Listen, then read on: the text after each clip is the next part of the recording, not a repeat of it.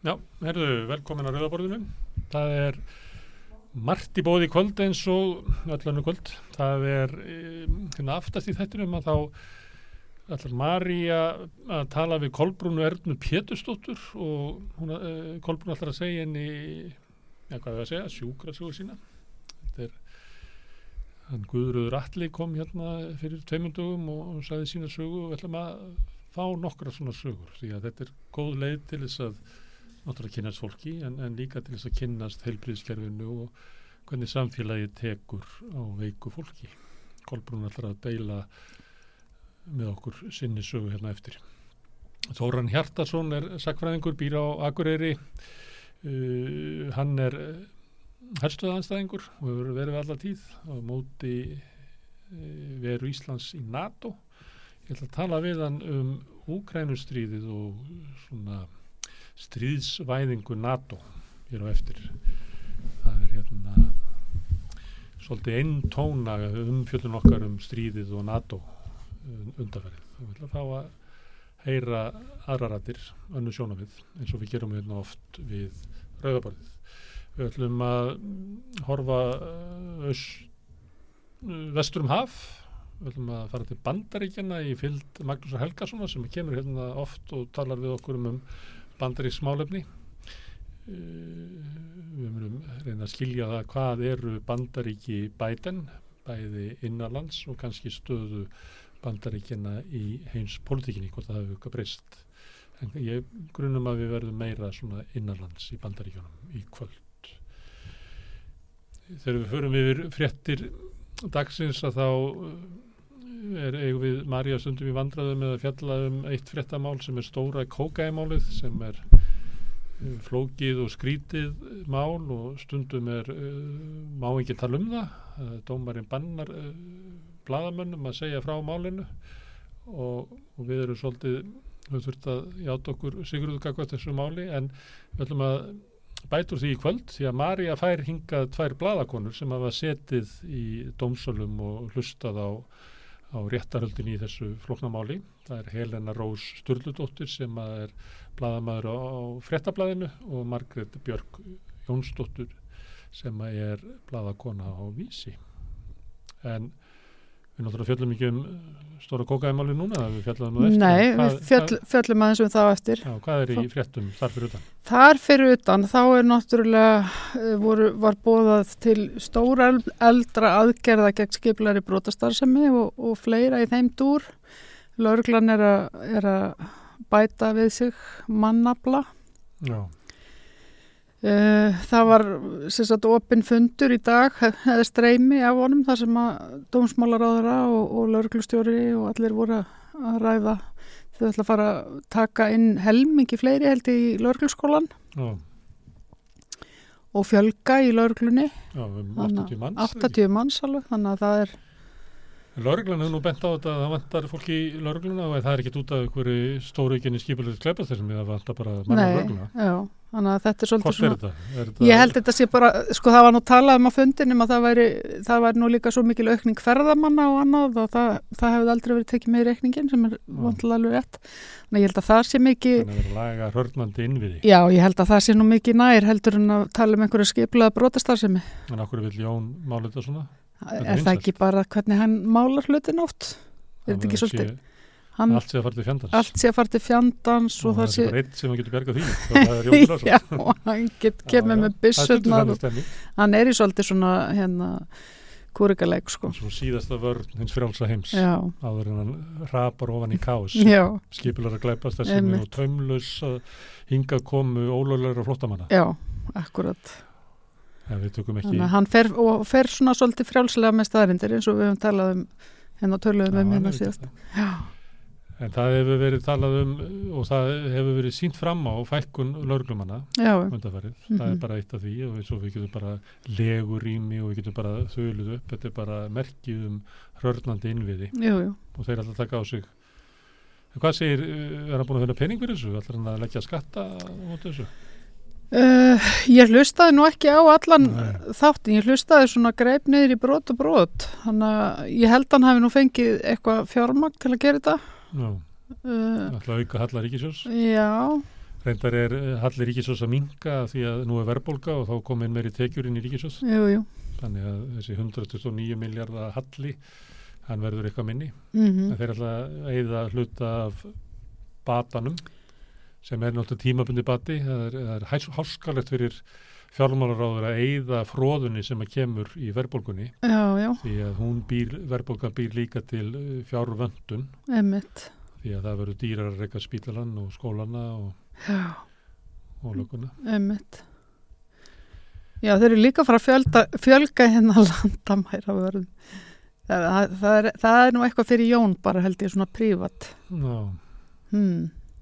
Finnst þér að, að þú eru ekki fleiri landamæraverði? Nei, ég segi svona að því, að því hann er með innflytendur á heilanum sko. Já, það eru landamæraverðir að maður kemur frá Bandaríkjónum, Breitlandi, en annars er ekki landamæraverðir. En svo eru þau náttúrulega, eru þau ekki líka, þau voru náttúrulega líka að fara að breyta hérna aðeins hverju með að koma og eitthvað, þannig að þau ætla að fara að fá einhverja sérfræðinga til að einhverja, og svona einhverja fleiri utan ES og eitthvað svona, þannig að kannski, Ég spá þetta sé hérna bara eh, lagfæring á, á allt og harkalegum niðurskurði undanferðin ára. ég held það líka, reyndar að það sé fyrst og fremst það sko. Já, hún er hins vegar dramatískur og við erum nú svolítið gaman að við erum nú talað Já, um já. eiginlega svona skemmtilegasta personan með ráðherrana, hann Já. er nótæfastur í svona sitcom, Já, algjörlega. svona yfir dramatískur. En samt alltaf alvarlegt yfirbræði yfir honum. Já, já, Já, einmitt. hann er, hann virkar rólugur, en hann er, En hann er það ekki. Þarna undir niðri er, Já. er eitthvað, eitthvað brjál í gangi. Já, í, í mér bærist fól, sagði Heimi Steinsson eins og ný. Það er nú Mm. ekki fól sem bærist. Verðu, en Nei, við erum nei. alltaf orðum með hrettinnar. já, Það var herðum, bein útsetting frá þingnefndafundi. já, frá efnaðs og viðskiptanemnd. Mm. Það voru Sælabankin enn einu sinni mætir Sæ- ásker. Sælabankin og, og, og Sælabankstjóri og vara Sælabankstjóri Já, nú er hann með fjármála stöðuleikan, þannig að hann er ekki tala um verðbólguna. Nei, einmitt. Það Já, sem að var merkilegt, það sem að, að hérna, aðstóða bankastjórin, mm sem er yfir, sem við því miður ég mann bara ekki í hvað heitir, en hann var að tala um að það þyrfti að breyta lögum um uh, lífyrísöði og Já, það var ímislegt vandamál sem hann sá uh, að þeim. Og fyrst og fremst að þau verður svo stórir. Og það verður svona stjórn að því að þau verður orðin sko miklu stærri en bankakerfið og, og svo verður fyrirferð þeirra í öllum svona fyrirtækjum svo mikil. Og, og þeir nefndu það sem við höfum oft nefnt hér að, eh, að því að þeir eru svona silent partner eh, að þeir eru ekki atkvæða mikill eh, fjár, eh, sem sagt, eh, fjárfestir þannig að, að eh, fulltrúar þeirra í stjórnum eru ekki að, að móta stefnu fyrirtækjana heldur teika þeir bara alltaf staðsta eh, enga fjárfestin í hverju fyrirtæki fyrir sig. Mm, og það þýðir það að menn sem eiga kannski 6% í ykkur fyrirtæki stýra því raunverulega eins og sínu enga fyrirtæki að því að mhm, uh, lífyrísjóðin sem eiga 70-80% í félaginu bara gera eins og sávill og það voru að tala um að þetta væri eitthvað óeðlegt mm uh, en svo nefndu þeir eitt að það ætti að kljúa lífyrísjóðakerfið þannig að sérignarspartnaðurinn myndi geta farið í hérna, sérstaka sjóði það kom ekki fram á hverju það var í snjált en Mhm. ég býst við að, að inn í þessari tillögu sé það að uh, skildu lífyrísjóðurinn hann geti verið í þessu formi sem er núna þannig að, að verkefnsreifingin og samtök aðrúlýsins kjósa til hálfstjórnamenn og, og þannig að báður hafa raunverulega neitunavald en með því að flytja séregnina yfir í annað kerfi að þá var þetta að búa til svona kerfi þar sem að sjóðsfélagar myndu geta kosið stjórn að. mhm, og þá met ég það bara út af þessu sem ég var að segja áðan mhm, að eh, eins og staðin er núna þá eru lífyrirsjóðnir móta enga stefnu. Þetta Mhm. teika bara þann sem er vegna þess að það get ekki móta stefnu af því að fulltrúar verkalýsreifingarinnar og, og samtök aturlýsins munu alltaf leggja það til að bara stæðsti enga fjárfæstir sér teikaður mhm, þannig að hann raunverulega þannig að lífyrirnin séu eiginlega svona uh, uppbót við auðvaldið. Að auðvaldið, þannig að þú getur verið blánt auðvald á Íslandi, Já. átt bara 6% ykkur fyrirtæki, einmitt. en látið eins og eru 80% samtök allir sem vilja hafa þannig. Já, já, og alveg sama hvað verkefli ekki reynir að setja svona reglur um hérna, fjárfestingastefnu að, að hún sé, að sé ekki verið að fjárfesta í spiltum uh, fyrirtækjum árið slíku, mhm, samtök allir sem stoppa það alltaf. jú, jú, einmitt. En síðan var náttúrulega annað líka þegar þingmennið fóru að spyrja já, þá var talað um húsnæðismál. Já, einmitt, við erum nú verið hérna með viðtalið við Óla Margesson og fleira sem að segir að það snjallast það sem hægt er að gera bara kakvat verðbólgunni og bara stöðuleik í samfélaginu síðan að byggja, byggja og nefnt lífur í svo með því já, já. en þessu þetta verið húsnæðismálur pólitísk ákvörðum. Já, og svo, svo va- var ekki þeir sem sögðu líka, ég las það allavega einhvers staðar í dag að, að hérna, ástæðan fyrir þessu væri að það hefði ekki verið byggt ná mikið hérna eftir allir. og, og eins og það væri bara svona já, þessu var svona svarað eins og bara það væri nú bara ástæðan fyrir vandamálinn í dag og þess vegna var ekki þetta að laga það En það það, var ekki þeirra hlutverkulega. nei, en þú veist eins og það væri skipti þar að leiðandi einhver máli að spýti lofan og byggja meira núna Ég meina þeir segja að það er pólitísk ákvörðun að, að það er pólitísk ákvörðun það er pólitísk ákvörðun stjórnvalda að hafa það. húsnæðiskerfið í það, steik. það er bara þannig Mm. við vitum það að það. já, já. En svo nefndur líka annað sem að hefur oft verið rætt hérna við rauðaborðið Mm, að, að það verða að koma aðgerðið stjórnvalda mm, til þess að verja hinn að tekjulegstu já, já, út af hækkunum út af já, Og það er allir að segja þetta. já, Svo mæti alltaf ráðverðinar að segja að við erum búin að því. Við lögum hann já. skattkerfið 2019 já, og svo s- hækkum við hérna, settum eitt auka prósent já, já. Við hérna, já, sem að er náttúrulega þú ferð úr sko 2% verðbólgu upp í Mhm. 10% skiptir og ætlar að nákvæmlega segja að einhver við máli settum sko. 1% auka bara skiptir. Einmitt. En svo voru líka fréttir í dag sem að sérst, formaður húsændafélagsins Sigur Helgi Guðjónsson var í viðtali Já. á mokkanum og að tala um sagt, að, að sagt, leig, leiguverð eigi ennþá inni hérna, sem sagt, það séu ennþá hérna, tilum til hækkunar. tilefni til hækkunar og leiguverði sem er náttúrulega bara Mm. alveg fara átt rugglað sko að segja þetta og hérna Hann er náttúrulega ekki að horfa á þetta frá sjónarhóli leigjanda. Nei, og hann Og er ekki- að horfa á þetta frá sjónarhóli þeirra sko legst launustu en svo Nei. segir hann sko samt hérna í sömu setningun og hann segir í rauninni að þú veist það, þetta er náttúrulega mjög slæmt fyrir þá legst settu sko þeir, þeir eiga náttúrulega ekki efna á húsalegunni hann Nei. viðkenni það alveg en svo vill hann ekki ræða það meira og svo talar hann um húsalegu ú- út frá forsendum bara þeirra ríku Mm. þannig að hérna hann vill alls ekki sjá legubransu að sjálfsögð ekki og tekur undir með sko Kára S. Fredriksen hagfræðingi hjá HMS eða húsnæðis og mannvirkistofnun um að sagt, leiguverð hafi aldrei verið sko lægra eða í lægra hlutfalli við fastegnaverð og sjaldan í lægra hlutfalli við Segðu mér laun. eitt, hérna, akkur er hann að standa í þessu? Hann er í formaður húsegandafélagsins Já, og segjum sér 100.000 húsegandur. mm Þá eru kannski 90.000 95.000 sem eiga bara sína íbúð. Já. svo er bara einhver 5.000 sem eiga auka íbúð Svo er hann að berjast fyrir hann leigu sala Já, hvað tekur það því? Þeir eru ekki bara stóðan að setja eigið félag það er að aftast upp á húsægandafélag það þeir eru ekki að vera að gæta að hagsmunum. húsæganda þú veist, í sambandi við með þetta skemmtilegsta hlusta og sko vera að tala um hverja að borga þakki þegar að legur í 5.000 Þetta er alveg ó, ótrúlega umræða sko. því. Ótrúlega hvað er með hann Já, og líka samtöku aturlýsins, hvernig þau nenn alltaf að vera að taka upp uh, hérna, hagsmunni leigusala sem eru bara fámennur hópur já, sem að veldur stórkostlum skada. En, mér, en þetta er líka bara, já, það, það, þetta voru líka svo villandi upplýsingar eitthvað neginn frá þeim báðum hann í dag. Að, og, Húsegandafélaginu og hverjum. já, og honum yfir hagfræðingi hjá húsnæðis og mannverkjastofnun. Að tala um leiguverið svona. að Hann sko, hefur gert það áður, sá. já, Hann talar um að, þú veist að já, nú er hérna vextir að hækka og nú er, nei, hann hefur verið sagt, sko, nú er fastina verið að hækka já. og þar að leiðandi mun leiguverð hækka. Það En er það er ekki tekið inn í þetta heldur að bara verðbólgan og svo kaupmáttarýrnun sem að fólk Já, er að glíma við. Að- hann hefur nú oft bent á það, Já. formaður leyndarsættakana, Já.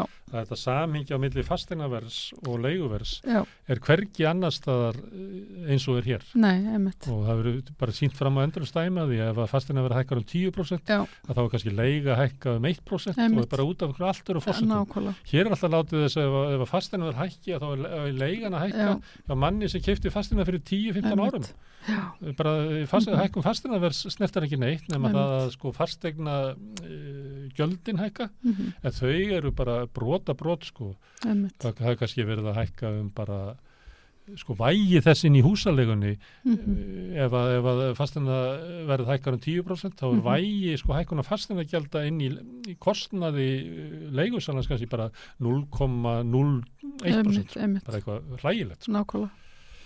En það er líka, ég einmitt, var að skrifa aðeins um þetta á samstöðun í dag og bendi einmitt á vísa í, í grein frá Guðmund einmitt líka þar sem hann er að tala um sko uh, húsalögu, eða þess hlutfall húsalögu lám, af lámaslaunum hér í samaburði við önnur lönd á Norrlöndunum til dæmis. Það sem að við erum miklu herri Við erum mikið herri, þannig að hérna, þetta er náttúrulega þetta er bara eitt af stæðstu vandamálum íslensk samfélags mm er húsnæðismarkarinn hátt, hátt á húsalega akkurat, og það ætti að vera hægt að fá alla borðin eins og sagtir til þess að glíma við þetta. Það er ofsalega svekkjandi þegar maður sér einmitt svona skakka umræðið um þetta. Já, og hvað, hvað margir telja að þeir hafi samíla hagsmuni með okurleikur Já, það, er ég, það er alveg óskilan já, það er óskilinlegt. því að samtök aðlýsist sem að semja og kaupa kjör ættu að fara í bara í, í hérna, herferð Já. gegn okurleikur því að fólki sem að okrarnir er að hérna, okra á með Mhm. leiguna þeir koma til samtaka aðlýsis og heimta hærri laun Já, þannig að sko Mhm. samtaka aðlýsis hafa Mhm. bara samíla hagsmunni með launafólki um að losna við þetta út úr íslensku samfélagi Mm Einmitt. Herðu, næsta frétt. Katego kynnti 134 miljardar krónar uppbyggingu Mm. við kefleguflöð. Veistu var hvað svolítið kat- svona- Katego er? Já, þetta, er, eru hérna Vissur það fyrir daginn í dag? Katego? Katego. Ég er ekki viss um ég hafi vitað fyrir, fyrir en sko, og þessi mynd sem að byrtist held ég í mokkanum af sko Bjarnabæðintitt sinni og öllum kollunum hann í Katego. Hún, þetta var bara svona episk mynd eitthvað. Mér það líka að því að það var svona öxl á manni sem var með svona strípur. Já, að gera- hann kom svona inn á myndina, einmitt. Þetta var svona eins Þetta var og, bara kallar. já, þetta var svona Það er eins nú og, kona sem er stjórnanformaður. já, þetta var svona eins og mynd síðan sko 1950 og Mm. fjögur eða eitthvað. Ég var svona næstuði búin að deila þessari mynd, sko. Það er hérna En- merkilegt að svona fyrirbyrðið sem að fáur vita hvað þið er Já, getur planir að 100, nei, 134 miljardar uppbyggingu. já, Það er svolítið mikil penningur. það er rosa mikil penningur. og engin vissi alveg hvað þetta er. Þetta er, þetta er svona enga fyrirtæki sem er í eigu ríkisins og Mhm. þar að heyri það undir bjarna. Já, Það eru breytingar á því. Í, í gamla daga þá svona, hefði þetta heyrt undir samgöngur á þeirra. En í, í tíð bjarna, og reyndar aðeins fyrir það, mhm, að þá er eiginlega, þá er ekki litið á eitthvað svona fyrirbreyði eða, eða byggðamálar á þeirra. Mhm. Er sem sagt, þau sjá um, eða hefur verið falið það að sjá um uppbyggingu í kringum kemluglull mhm, á, á hérna svæði bæði ríkisins og sveitafélaga þar. einmitt. Í gamla dag þá heyrði svona fyrirbriði undir viðkomandi. En Mm. núna er þetta allt skilgrind sem eign, þannig að, að við almenningur komum að þessu sem eigendur, eins og hlutafjörreigendur. Mhm, Og þar lendi þetta allt undir bjarna. mhm, Og þannig að plana var farið út í sa- samkeppni, svona uh, hönnunar og, og, og eiginlega skipulags eh, og uh, hugmyndasamkeppni um Mm. hvað er að gera við landsvæði í kringum keflaglull. Mhm. Það var uh, hollenskt fyrirtæki held ég sem að vann samkeppnina og er þar með plönum að byggja svona, hvað heitir þetta, yðngarðar hugmyndur um að þarna verði góðu staðu fyrir livjaverksmiðu þannig að þú getur framleitt liv og svo getur flóið með livin bara hinga og þanga já, ég veit ekki hvað vitir í þessu sko. en Nei. þetta er bara stærðin á þessu uh, 134 miljardar gríðalegt. þetta er einhver fimmanna stjórn. Já, gætið uh, nöfnin á þeim en þú myndir ekki þekki neitt að því. Nei, nei, svo er einhver þarna uh, forstjóri sem mhm, enginn hefur heyrt áður. Nei, þau eru raunverulega komið með hálfgjört svona ég segi ekki skipilsvald, þetta verður náttúrulega að fara undir uh, hérna samþygt hjá Reykjanesbæ Mhm. og, og hérna Suðunisabæ mhm, en þau koma náttúrulega með það og segja að við erum svo að gera þetta og þetta og þetta er svona, svona mikið og svona Já, mikið og það segir ekki nefið þessu nei, nei. Þannig að þetta er eitthvað svona, það eru svo mikið eitthvað svona uh, opinberum hlutafélugum eins og bankasíslan, hún bara ræður í hvort að bankir sér seldur. Hann ætla búið að búa til svona, já, svona enga fyrirtæki einmitt út frá öllum, öllum geirum hérna Já. og verið að reyna að reka innviðina eins og enga fyrirtæki. Já, eins og sko þínir hagsmunir sé ekki sem borgara eða notanda af innviðunum, heldur sem hérna, hlutafjóra eigenda af, nei það er satt, Ég veit það, það er sko þannig. fyrst og fremst uh, skilgrindur sem eigandi að landsbytarunum. Já, já, einmitt. Nákvæmlega. Herðu, Já, uh, ég ætla að segja smá fyrir eftir á honum Halla einmitt, já, uh, honum Haraldi Þorlefsinni, óskabarni íslensku þjóðarinnar. óskabarni íslensku þjóðarinnar, hann, hann var í, var, það er allir búin að fylgjast mjög spenntir held ég með þessum, hérna, Uh, samskiptum hans við Elon Musk Mm. undarfærið, en Elon Musk náttúrulega sáði honum upp störfum er Þetta er náttúrulega eins og í James Bond myndunum. Þær eru betri eftir því sem að íllmennið er betra já, og Elon Musk er náttúrulega besta íllmennið sem hægt er að hugsa sig. hann er náttúrulega bara fyrir fram úr öllum Já. helstu væntingum fólks sko, hann verður, alltaf meira og meira ílmenni Hann er að brekta eins og er- út úr er, ég, ég var að hlusta á lag eftir alla í morgun. já, svo hann, svo hann hann postaði í gerkvöld á Twitter eitthvað svona að hann væri nú alveg að hugsa um bara aðra skemmtilegri hluti heldur en þetta Elon Musk mál og ætlaði, hann ætlaði nú að held ég uh, láta vita í kvöld eða eitthvað svo leis hvað hann væri með í smiðum en, en svo er einhver búin að leggja svo held ég eða eitthvað eða Já. hvort hann er búin að sína það hann fekk eitthvað 170 miljón nýja fylgjendur. nýja fylgjendur, já hann, hérna, hann hann er með bara móða, móða úr því. Hlustar á leið? Nei, ég er ekki búin að hlusta það ég ætla að hlusta það í kvöld Mm. en hérna en já, en Elon Musk, það var tala það var viðtal við hérna lag. í síðis útvarpinu held ég ég. Tón, hann er fýtt tónlistamöður sko, ég hef alveg heyrt áður eitthvað með Hvað hann heitir þessi tegund tónlistar? Það eru margir svona kallar sem eru svona syngja svona mildt og rólega. já, þetta er bara Þetta er rosa hitja. nútíma þjóðlega tónlist Nei, hann, hann fellir í íllmennið, já, svo tekur það bara gítar eins og bara Já, já. Rockes og Já. syngur á leiðin inn í solsetrið. já, já, einmitt en, en allavega það var viðtal við æsku vinans í dag uh, uh, í síðdeis útvarpinu.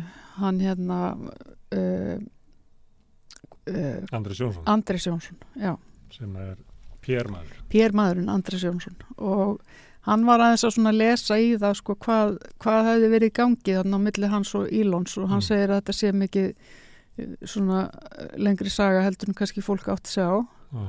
og hérna og var að útskýra líka svona nákvæmlega hvernig samningurinn hefði verið sem hann hefði gert sko Það það má ekki því nei það var eitthvað tíu fyrirtæki eða eitthvað svo leið sem, sem að Twitter keifti og samningurinn við alla þá söluæðila er einhvern veginn svona að þeir hafi þurft að vinna í einhver x ár.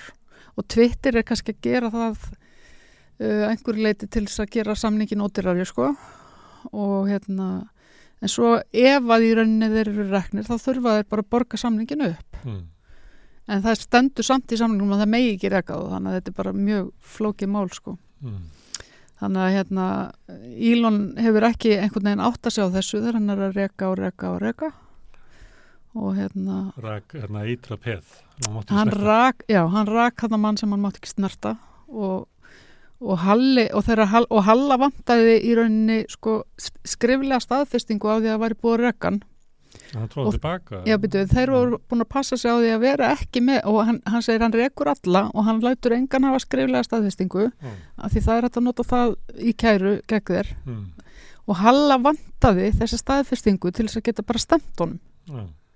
En hann tróði tilbaka sem þann eftir Elon Musk. Já, en hann á þetta samt staðfest og meir en það, hann á ekki bara haha, auðvitað rakið þig, Mm.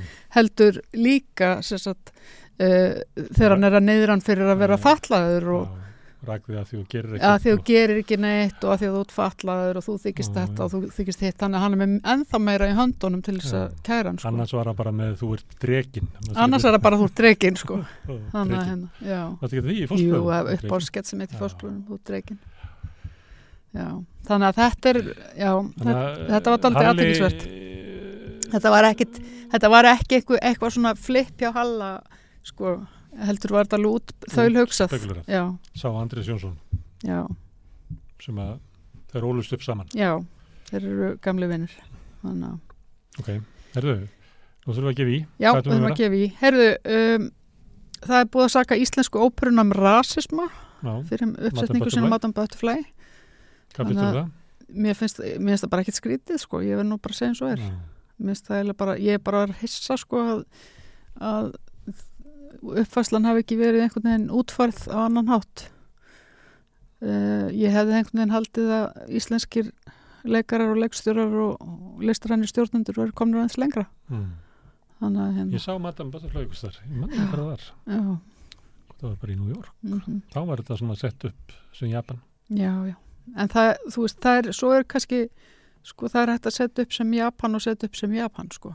Þetta er náttúrulega er ekki í Japan, þetta er, þetta er, þetta er Puccini, það er ekki, græna grunnum hvað Japan var sko.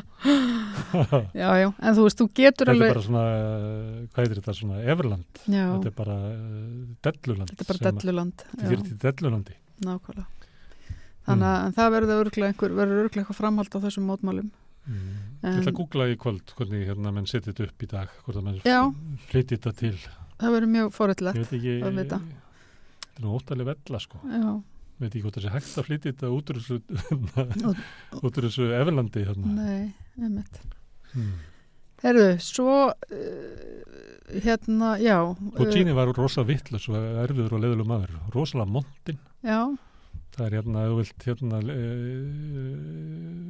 e, þröngar stjettir tala átt ítla hverju mannan jú, og óperuhundar er ekki margir. Þannig að óperuhundar voru eiginlega allir saman um að að dissa Puccini var annan. alveg síðan svort það veri, fá að veri talað jafn ítla eins og hana mann. Já, einmitt.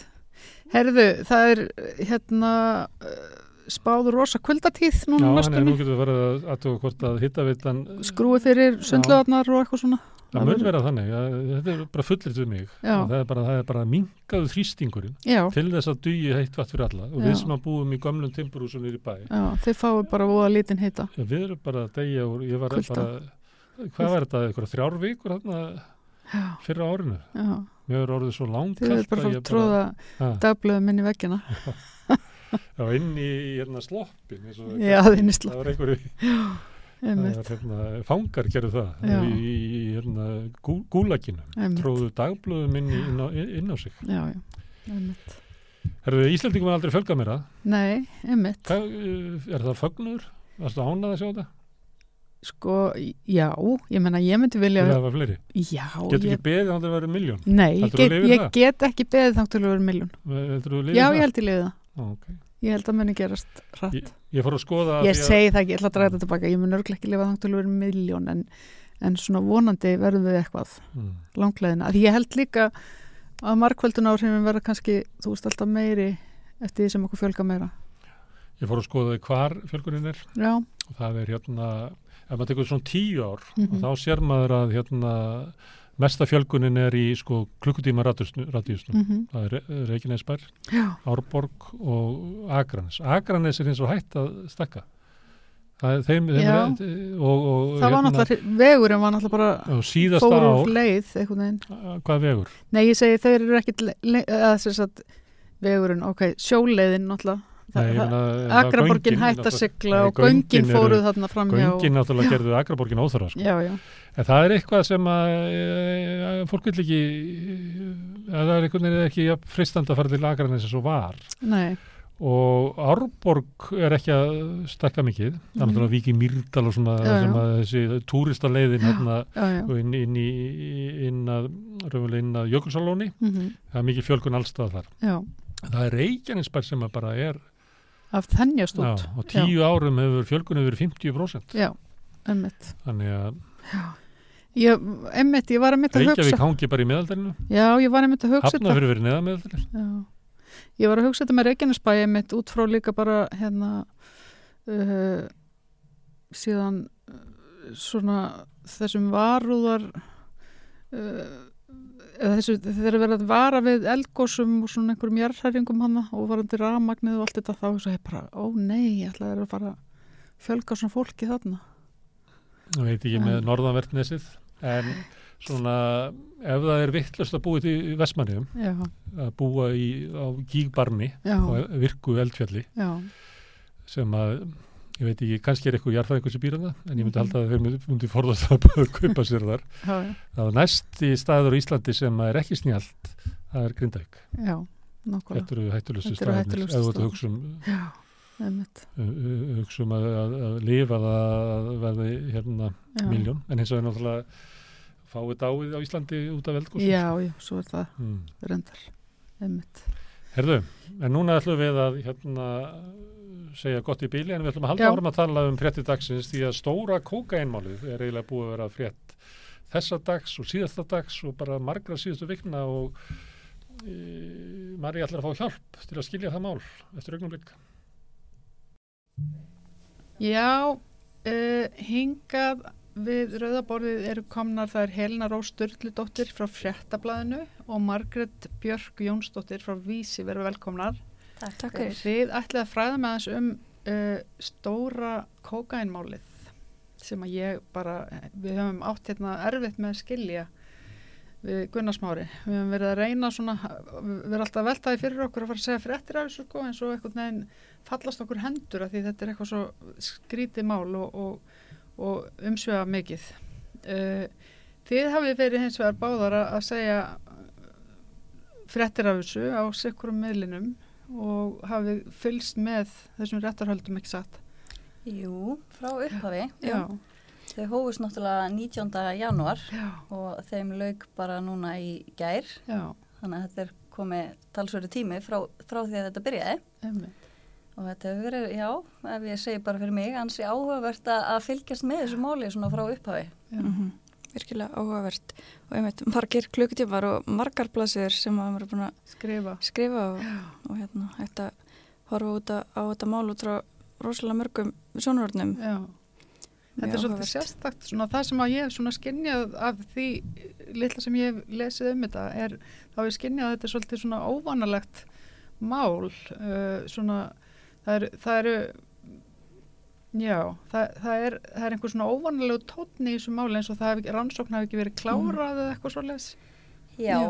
það hefur verið gaggrínt, verjendur, sagbortninga hafa bent á það að, að lögreglan hefði kannski átt að fylgja málinu aðeins lengur eftir. Já, um, Uh, Sagbortningarnir eru náttúrulega allir fjórir sammála um það að, að þeir spili aðeins lítið hlutverk Já, í málinu. það hefur verið hamrað svolítið á því. Já, Svo veit maður ekki hvort það er bara einhver tækni hjá verjandanum eða hvað eða hvað sko. En þið- segið mér aðeins, um hvað fjallar þetta mál? Þetta er þannig að smigla á hvað hundra, Mm nei, já, tæplega 100 kíló er alltaf langstærsta fíknefnamál bara Íslands sögunar. Já. Það hafa aldrei komið, eða er verið komið efnin aldrei til landsins. Þetta er sérst, já, bara frá, til að segja þetta frá upphafi, þá Já. snýst þetta um það að þessir fjórir íslensku kallmenn eru ákerðir fyrir aðild að innflutningi á þessum 100 kílóum mhm, og lauruglan sérst kemst á snúður um það til standi að, að flytja inn 100 kíló og er að fylgjast með þremur af mennunum og hérna þannig að þau láta sérst yfirvöldi Hollandi vita. Já, og þar er sendingin Stöðvuð. stöðuð mm, og hérna tollverðinir skipta efnunum út fyrir mm gerfi og senda gáminn áfram til Íslands þannig að hið eiginlega kókain kom aldrei Nei. kom aldrei sko. til landsins. Nei, sem að gerir þetta eiginlega áhugavert sko. Já, Að því leitinu til að, að hérna, Þannig að í rauninni hefði þá ekki átt að rétta í því í Hollandi eða hvernig, er það ekkit, þetta eru náttúrulega íslenskir, íslenskir sagborningar í málinu. já, og Og- íslensk rannsók Íslenskar ansók, já, Mm. þeir komust að, að, á snóður um þetta máli gegnum saltdreifaramálið svo kalla já, sem er annað hérna gríðarlega stórt fíknefnamál mhm, sem var dæmt núna í, í lók síðast árs. Mhm, og, og hérna og þar í raun og veru eh, var að nota sérstætt forreit fyrir samskiptin þar sem að lauruglan sér meðal annars hérna svona vísbendingar um þetta mál. Mhm, og hérna þeir í raun og veru kanna það og, og það er þessi fyrri gámur sem kemur svo til landsins sko mhm.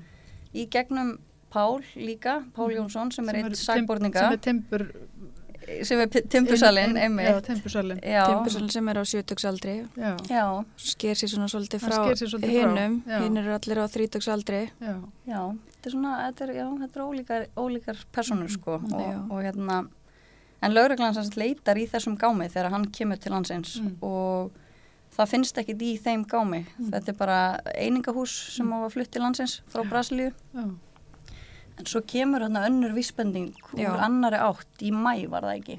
Jú, það var í mæ 2022 hún var, var svona aðeins nákvæmari já, sem að lauruglan fekk semst vísbendingum að til stæði að flytja inn kókain frá Suður-Ameríku Mhm. og að Páll væri tengdur því og Birgir Jónsson, nei Birgir Halldórsson, Halldórsson sem já. er hérna annar sakbarningur já, og Páll segir sem sagt að Birgir hafi fengið sig til verksins Já, en hann neytar, neytar hann því neytar því. hann neytar því, sko, Já. segist að komið að vera málunni setna Ok. En Páll hefur endar verið sko, hann hefur haldið sig við þann Já. alveg frá upphafi Þannig sko. að hann er svona trúarögt vitni. Já, og saksóknari einmitt hafði orð á því að, að hann væri trúverðugur og Já. benti meðal annars á að Birgir Haldursson væri kannski ekki eins trúverðugur Nei. í sínum framburði en, en hérna, en það er svona þeim greinir aðeins á þarna Páli, Jóhannes og Birgi um svona aðeld sína og, og hvenar þeir koma inn í þetta mál. Já. Ég er Það- alltaf fyrir mér hvort við eigum kannski aðeins að fara yfir mennina svona sem Já. við séum ekki Já, ég held að það getur verið skemmtilegt fyrir aðeins að, að heyra. Við kannski byrjum að, að því það, það er þarna, þeir flytjum kókain inn í hvað trjádrömbum, Já, Já. í viðar drömbum viðardrömbum. Sérst, Já. Páll var er- að flytja inn, hann átti þarna fyrirtæki, Já. hús og harfiður Já, þannig að það er ekkit óægilegt að hann sé að flytja inn timbur. Alls ekki. Nei. og hann er Sækir. semst eini Íslandingur sem er að flytja inn timbur frá Suður-Ameríku, frá. Brasilíu þannig að þegar lauruglan fekk þessa ábendingu þá kom í rauninu verið engin annar til greina Nei, Nei. þannig að þetta var semst gámur bara fullur af timbri, pallaefni og Mhm. neðist í gámnum voru 90. 90 staurar Já. og 60 staurar innihjöldu þessi 60 myndefni 90. Já. Já. Mhm. En jú, það var ég alveg skemmtilegt að fara eins yfir, segið mér aðeins frá yfir mennina. pers personum og leikandum. Já. Við getum kannski bara að byrja á Páli sem Mhm. er hérna mönnum finnst mjög áhugaverð og er mjög áhugaverður þáttakandi og svona maður velti fyrir sér hvað, hvað fær mann á sjötugs aldrei komin á eftirlaun fjölskyldum maður með engan Já. hvernig flækist maður í svona á þessum stað í lífinu sko?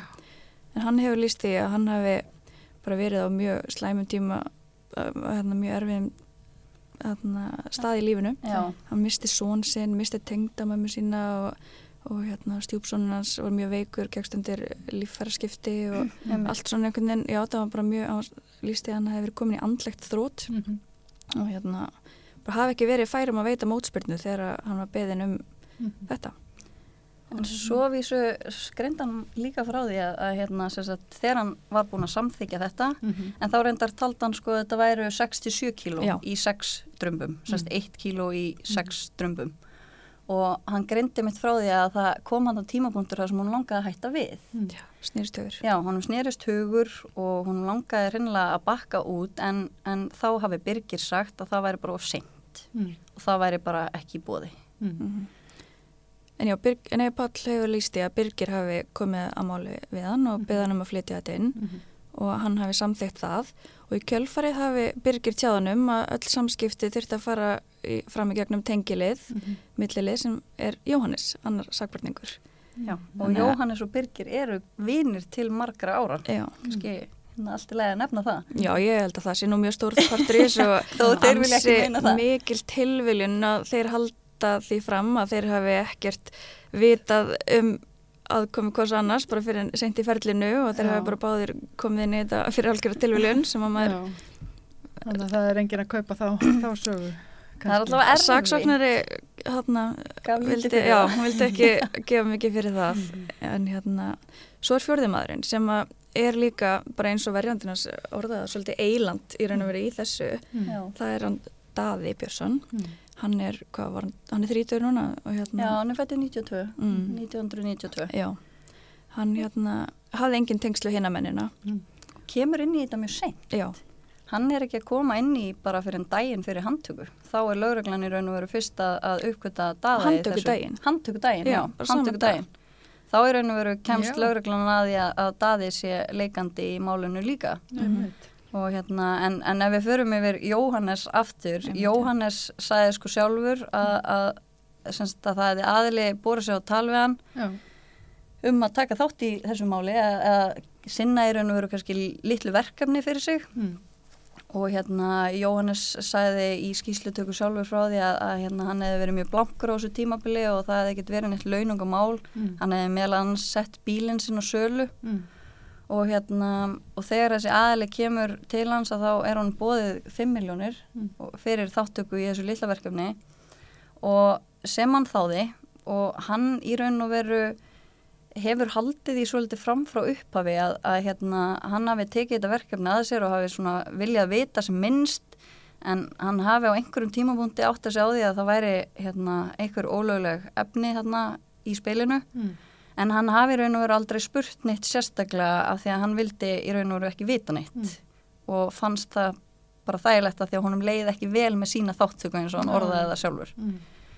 þannig að hérna Ég held að svona hans hlutverk sé nokkuð skýrt og það er í raun og verið engin ágrinningur um hans hlutverk þarna. nei, í Þú Veist, hann var millileður á milli Mm. Birgis og Páls Já. og þú veist, Pál var, hann vantaði peninga til að borga innflutningin veist, á gámnum, þetta voru mjög, mjög mikill kostnæður sem fylgdi þessum innflutningi, þú veist, þarna bara það að leysa út enn fyrri gám, það var miljón Mhm. eða 900.000 Mhm.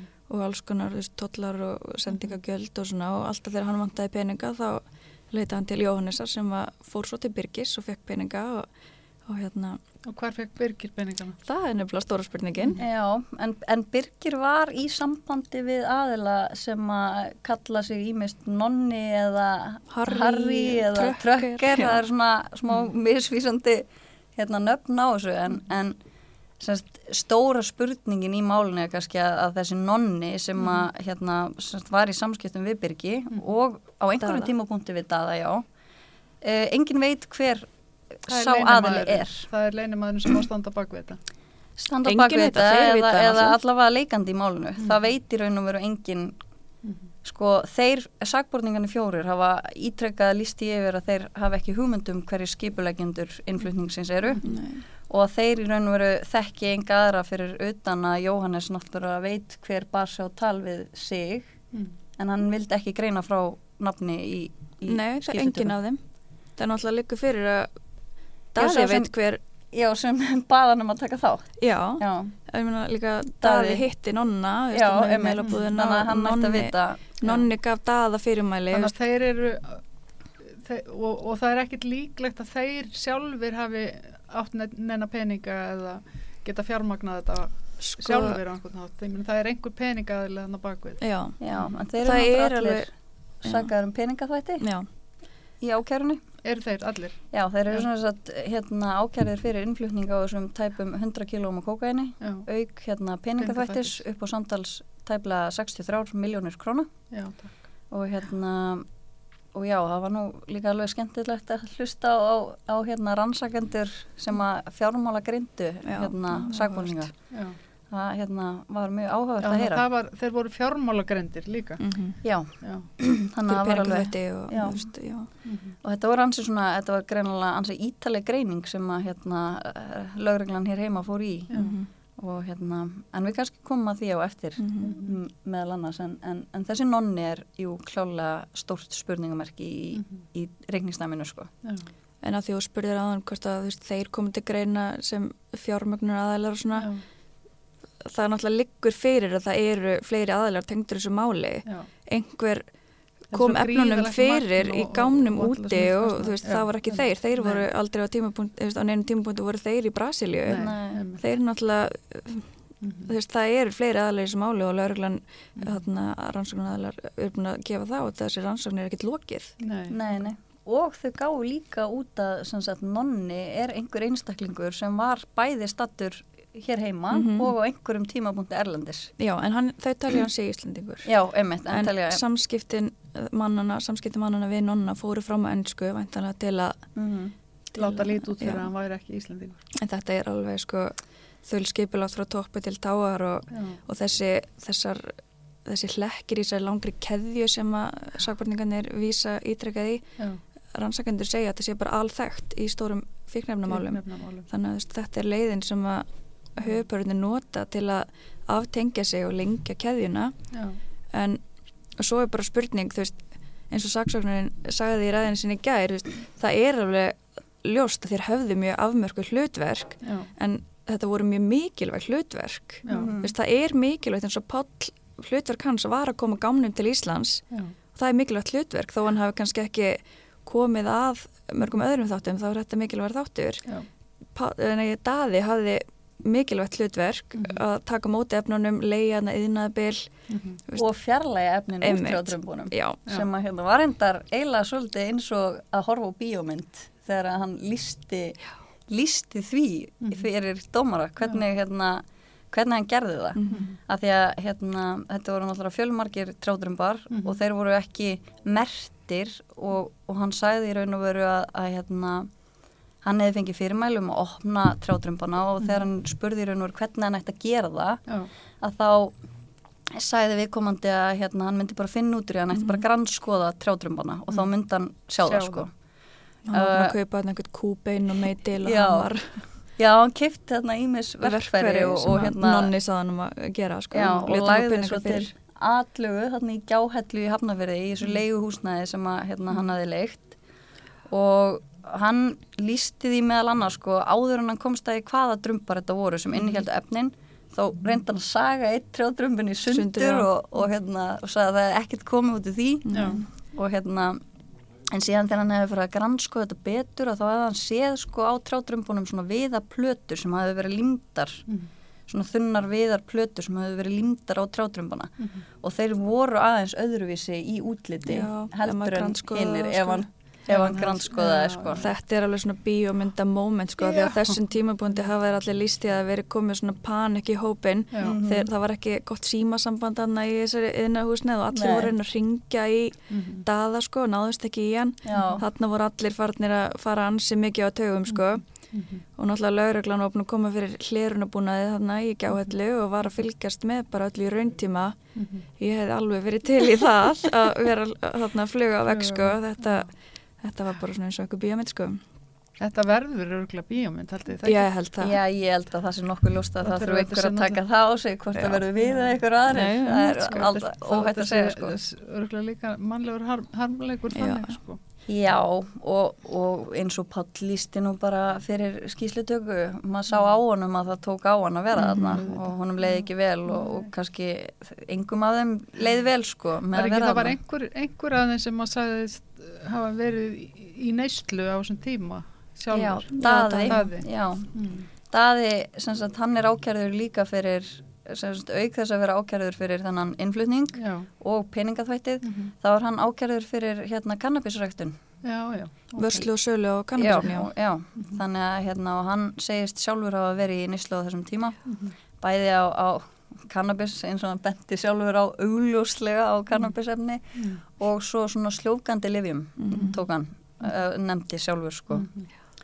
Þannig að hérna, en, en og svo voru hérna, fyrirgeðu En það var hérna einn dagur í, í skýslutökunum sem að fjölmörgu vittni komu fyrir dómin og voru þar sem var verið semst að tala um hennar peningaþvættis hluta. Mhm. Það voru fjölmargir sem komu og báru vittni um það að þau hafi kift fíknefni á hennum kókain Mhm. já, sem að útskýri þá þessi þessar grunnsanlegu millefæslur.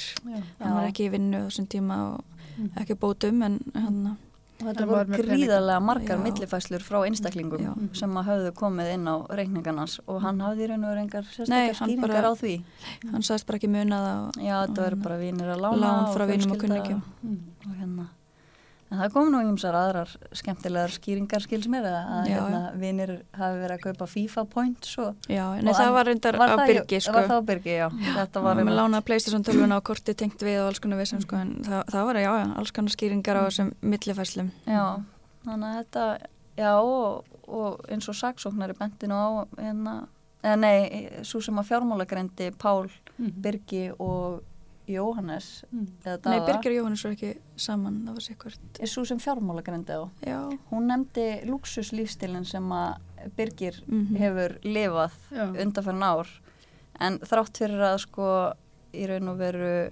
útgjöldin hans séu langt undir viðmöðuna mörgum Já. og þá greiði pappans líka ansi já. ríflega fyrir hann Mm. fastegnagjöld og, Mhm. og hérna af lánum og hann bjóð og í og öllu, stóru sko. Sem að pappans greiti af lánunum hita og rafmagn fasteignagjaldin og allt svona kerið Keyrðum um á- 14 miljón grún bíl mm og bara Já. svona lifði mjög hátt Já.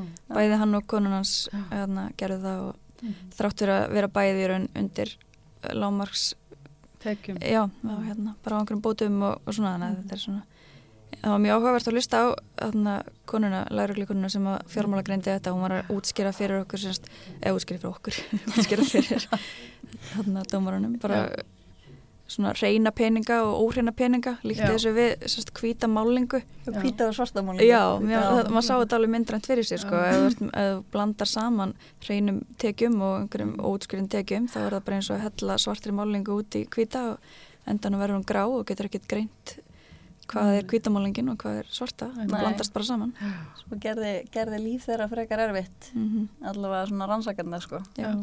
Það var mikið af grári málingu hana. mikið þeim grári málingu mm Já.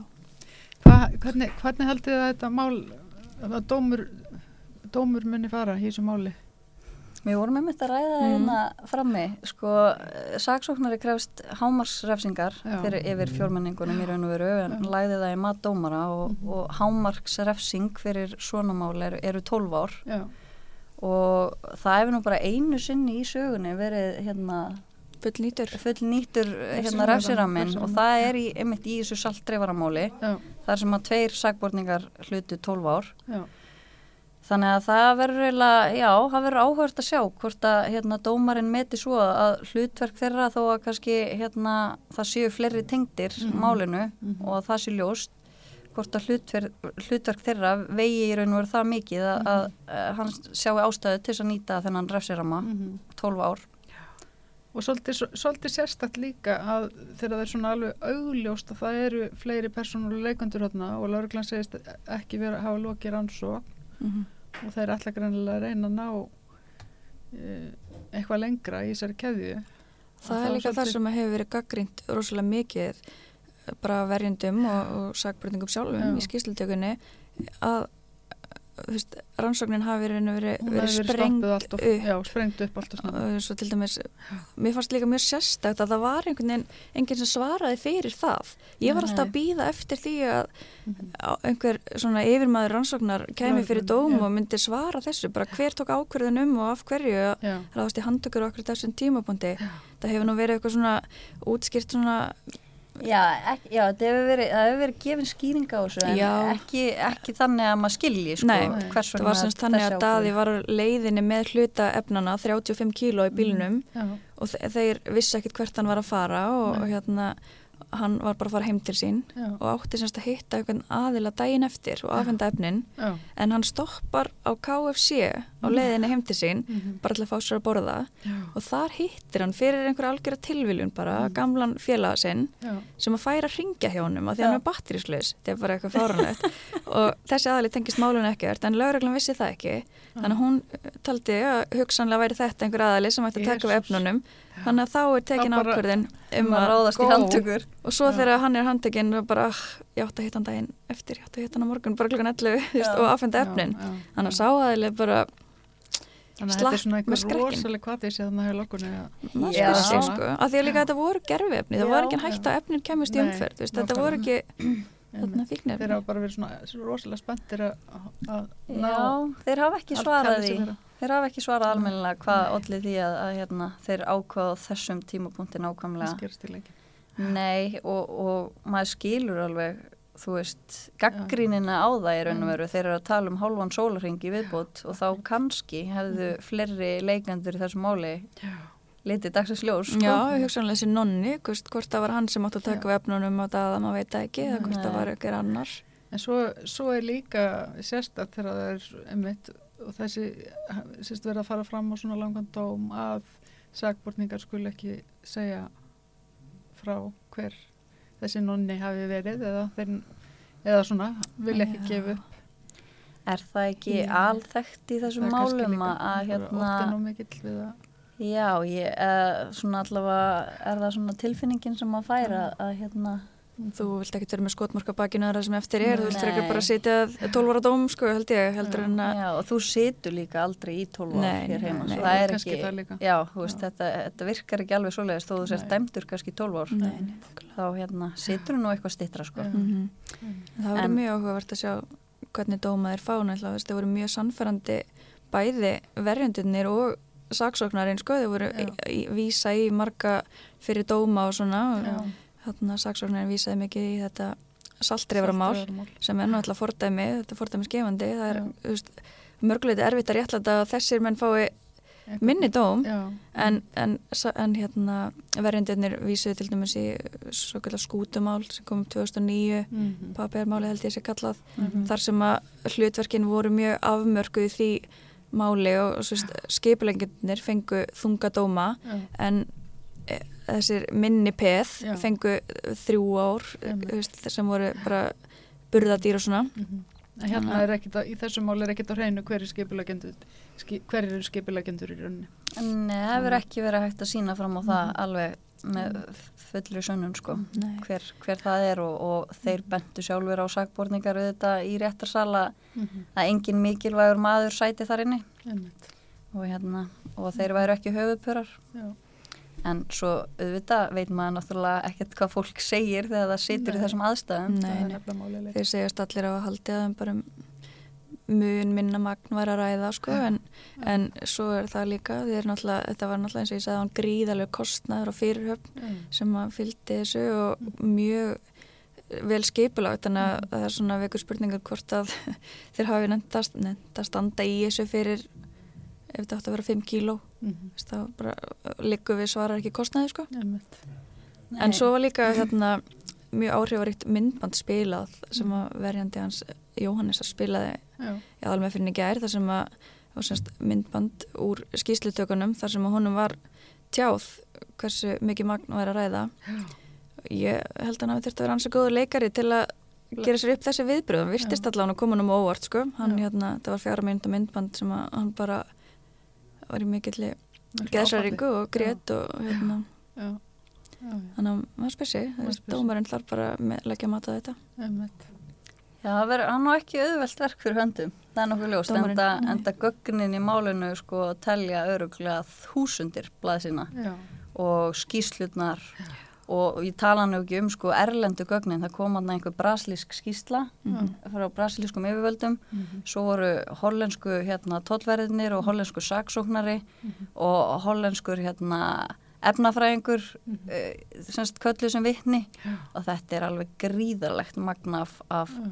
allskins pappirsgögnum og, En og svoleiðis. En, en er ekki líka, er enginn í haldi í Brasilíu eða þeir, þeir hafa ekkit, Nei. fundið neitt af heinum endanum í rauninni hvaðan þessi sending er að koma ef þeir samt gáttu fylgst með henni svona á leiðinni.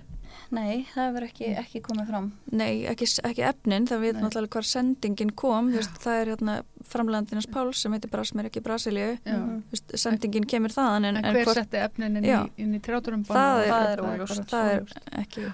Nei. Já. Þannig að þetta er, það er alveg fullt af spurningum sem eru ennþá ósvarað sko í málinu og, og það verður náttúrulega bara forvinnlegt að fylgjast með. Hvort þetta Hvort kom í að- ljósengt, já. Já, einmitt, hvort þetta komi í ljós Mhm. síðan meir eða, eða hvað.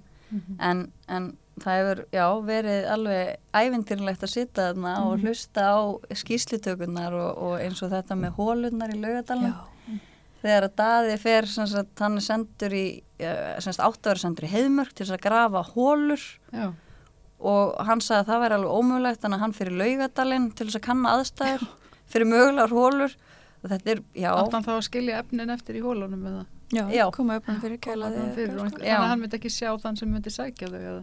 ja, það er ómögulegt að segja Já. hvort að það átti að vera bara til að geima því að hvað, ég var, það kom einhvern veginn aldrei fram hver raunverulegu tilgangur væri en Nei, en, en þetta er, já, það voru ímsir áhugaveru punktar sem að hérna koma þarna fram og verður áhugavert að fylgjast með við verðum líka bara að áhugavert að vita hvort þeir fái allir sama dómin Hvernig á að fella dóm í málinu? dómarinn hefur fjóra vikur Já, Hann hefur fjóra viku núna. Mhm. þannig að þetta verður Já, þetta verður forvinnilegt. já heldur betur Herru, ég þakka ykkur alveg kærlega fyrir að koma og, og segja mér aðeins frá þessu. Nú, ég held að maður sé heilmiklu nær núna uh, og hlustendur vonandi líka. Takk fyrir að fá okkur já, að, takk fyrir báði Ef það verður framhald að þessu máli, í, í, ef, að, ef að lörglan heldur áfram og, og finnur eitthvað meira og þið haldið áfram að fylgjast með það, þá fæ ég ykkur aftur hérna. Ekkert mál Herru, takk fyrir þetta. og e, Gunnar Smári ætlar að fara e, og nú, núna á tala með hann Mag, hérna, Gunnar Magnús Helgason um bandaríki bætens. Já, við ætlum að fara til bandaríkina og eins og oft áður þá er Lóðsokkar, Magnús er velkomin Takk. Herðu, það er eiginlega, er ekki kostningabaróttan eða svona prófkjúsbaróttan fyrir uh, kostningarnar 2024 byrjuð. Jú, mikil ósköp. Ég... Þar er meiri spenna hjá republikurum að því að bætin ef hann lifir það af að þá er hann frambjöðundin, eða ekki? Jú, en það, það er náttúrulega, ég held það, það sé nú ekki, hann sé ekki búin að gefa hans, upp með það definitt, definitt hvort það fari, sko, ætli. En ég held að mann gerum frekar ráð fyrir því en hitt og það er engin raunveruleg umræðu neitt annan frambjöðundu demokrata megin. En náttúrulega ef hann myndi ekki fara það kæmi auðvitað myndi það þá verða aðal það verður allt upp í loft og það er ekkert gefið sko, að, að varafórsetin nái framboð, það gerist ekkert sko, oft.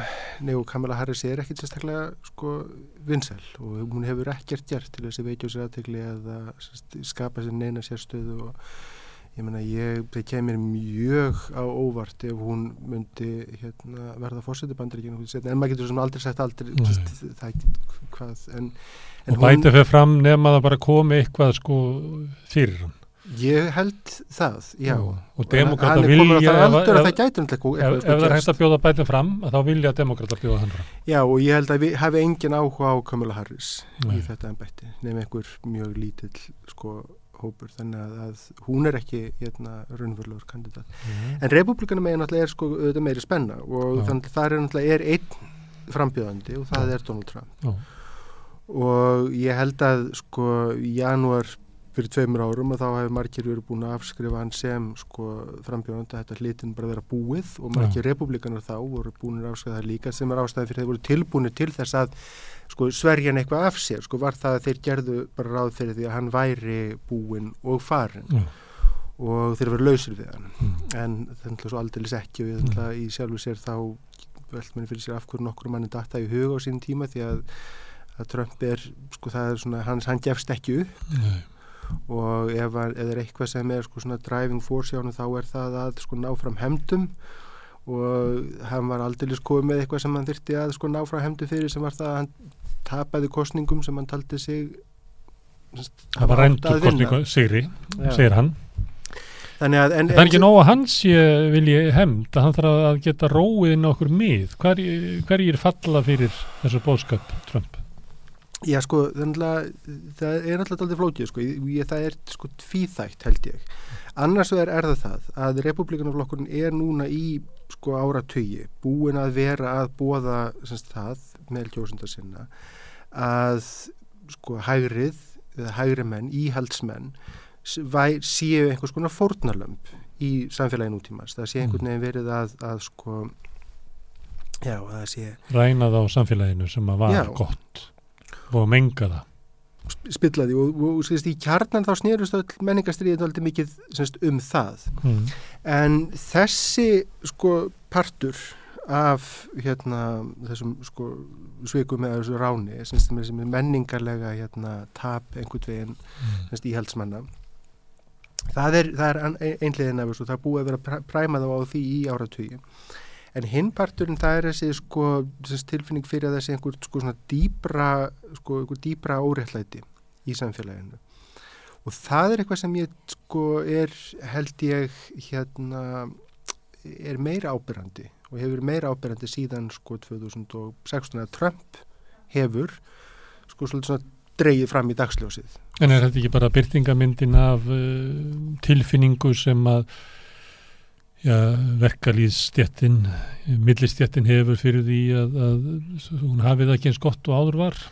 Já og það, sko, það, þess, þessi sko, það sem er kannski, það sem er áhört í þessu er þetta að innan republikanflokksins hefur sögulega þá hefur ekki verið það er átökinn hafa ekki snúist um það að ná meiri hluta einhvern veginn semst, sko, meðal hérna, uh, verkalýðs versus millistjættar kjósenda meðan það, meðan það hefur verið þann, þannig dýnum yngre demokrataflokksins mm. en demokrataflokksins hefur sko hafa svona sko stjætt sko bundin bandalög verið mikilvægari enn innan republikanaflokksins þess að mm. það hefur verið sko þessum sko línundar sem hafa skilið frambjöðundur af hafa verið sko staðira í hérna menningastrís mm. 2016 með Trump að hann, hann sigrar með því að samina raunverulega og ná sko, afgerandi forskoti meðal verkalýðsins. Já. Það er semst republikana sem eru ekki með háskólapróf og það er í bandarísku stjórnmálum nota sem svona um, í raun og svona proxy á það sko í hva, hver stjættastæða mann er og ekki Mm. það hún er mjög ófullkomin og það verður bent á það mikið að þessum sko kjósundum Trump sem er ekki með háskólapróf eru með háar tekjur Mm. en þeir falla einhvað síður sem er þá kannski yðnaðamennin eða semst eitthvað eða er í, Mm. í, á, á þessari semst línu háskólapróf eða ekki að fólki dálítið vel í sko millistjætt og verkalistjætt og, og Trump var með þessa verkalisfylgið hérna sín megin En er þetta ekki hópar sem að hafa, er hægt að benda á bara með konunum að búi svona við hörnandi efnaðslega stöðu? Já og það er það sem Bernie að- Sanders að ávarpaði þetta sama fólk. Ja, akkurát, og, það- og það er það sem Trump gerði, er það Já. að hann sko er rödd þeirra sem telja sig og sem upplegaðast þannig að þeir búi ekki engungu í samfélag þessum menningunni Mm. hefur einhvern veginn verið rænt frá þeim einhvern siðferðilegum gildum, hefur einhvern veginn sveikin um einhver, sið- semst, einhver kristin fjölskyldugildi, Mm. heldur að það sé samfélagsleg, efnahagsleg og raunverulega sko félagsleg hnignun í kringum þá. Og það er materiál raunveruleiki. Mm. og það er, það er eitt af undirliggjandi vandamálum bandur samfélags er það að það eru stórir hlutar þess, það, það sem er efnahagsleg, samfélagsleg alvarleg nignun og það er fólk sem býr í þessum börtum bandaríkjana upplifir hana sem mjög akút og upplifir þetta sem samfélagslegt mein sem þurfi einhvern veginn og það er tilkomið vegna einhvers konar svika sem hafa átt sér stað Mm. og þessi svik eru semst, ekki sko einhver woke mind virus eins og Mm. DeSantis talar um heldur eru þau sko sem sagt, það er, það snýst um Alþjóðaveðingin, já, Mm. stór fyrirtæki sem að flutti burt Já. störf Wall. Wall Street að svíkja Main Street og, og Trump hefur getað komið orðum að þessum og er hann eini republikani sem ávarpar þetta. hann er það, já og þá Mm. hann var svo eini sem raunverulega gerði það 2016 og þannig vinnur hann 2016 og hann mun vinna þannig núna líka ef hann nema það gerist eitthvað Það er svo prófkjörspartur. Já, Já. og það, sérst, á, inn í þessu hefur hann, sko, hann á innbakað sko cirka bara 30% af republikunum segjast myndu kjósan jafnvel þótt hann færi fram sem frambjöndi þriðjaflokks. Þannig að þeir styðja hann frekar en flokkin. Þannig að hann á þann, þannig innbaka þriðjung flokksmanna og hann þarf ekki meiri hluta flokksmann sem vinna prókjörið. Hann þarf engungu að vera sem strykja það sem engin annar með meiri hluta og mótframbjöndunir eru tvístræðir Mm. og það er... Hverju eru þeir? Ég, þetta er samt í samtlega sko stæstu þar og, og svo er þetta svona sko menn eins og Mike Pence og semst, frekar sko óspennandi litlausir karakter, Nikki Haley Sem voðalega munu falla bara fljótlega. Já, ég sko fólk sem sko hefur einhverju svona sko CV sko hérna línur eins og hafa verið varafossetti eða sendiherra eða eitthvað svona mjög sko að vera að sækja um vinnu einhver staðar en svo vinna sem henn er að sækja um þetta sem er að leiða þessa skrítnu hreyfingu sem republikanflokkurinn er þá er það ekkert endilega neitt sem hérna sko kjósendurnir vilja við slum ekki gleyma því að grassroot þessa sama flokks var 7. janúar 2000, tveimur árum hvað hérna gargandi sko að það ætti að hengja Mike Pence þannig að ég sé ekki alveg sé að fara stiði hann sem hérna frambjöndaflokksins og hann á ekki mikið af stuðningi hjá þeim og þarna semst hann er sko í meðal þessari sko svona millistjættar sko republikana að þar ertu með fjöldan allan af frambjöndum og DeSantis er sá sem hefur forskotið Mm. en það að honum takist að sko samina alla semst, þessa hérna svona sko stundum við talað um að þessi a wine track og a beer track í bandaríkjum það er semst sko verkefliðis kjósundunni sem Mm. kjósa bjór og hinir sem hérna vilji Já. rauðinsglas eða hvítun, ég veit ekki hvað það Já. er sko sem leftir í hvort þeir kallar og konar Mm. hvernig sem það, þessi svona, þessi einfalda mynd sko þarna að, Mm. að það er þessi sko hvítvins og rauðvins hérna gengið að þar, þar sérstu með einhverja 16 frambjöðundur meðan hinum enn sé bara einn og ég sko þetta er sem gerðist 2016 þeir voru þarna sem sagt Marco Rubio og Jeb Bush og Ted Cruz og svona misefla óspennandi Mm. frambjöðundur, engum þeirra tókst að samina flokkina baki sér og meðan bara sildi Trump til sig og svo hann, hann mun gera það sama núna Að manna á, hvað hinni voru sundraðir. Já, og svo getur hann semst svo bara, semst að rýfur hann þá sundur saman í háðu og spotti sko og það mun gera það saman við DeSantis sem er eina af þessum sko svona skemmtilegri fréttum senustu vikna er þetta að Trump sé búin að vera að testa út sko ný hérna uppnefni fyrir Já. DeSantis og hann var sko framan að var hann með hérna Ron DeSanctimonious sem Já. ég veist nokkuð gott sko Mm. eða hérna það er svona sniðugt sko og einhver önnur sem hann hefði hef vist verið að hérna prófa Meatball Ron sé eitt og það er vegna þess að, að Ron DeSantis er svona kannski, ég, ég veit ekki hvað þetta er einhver skot á hérna vakstalagans mm. en hann er komið annað sem er ennþá betur sem er Tiny D sem líka er Mhm. skot á vakstar er er já og það er hérna þessi, þessi sannlega stjarníði sem er sko sá að DeSantis er lágvaksinn Mm.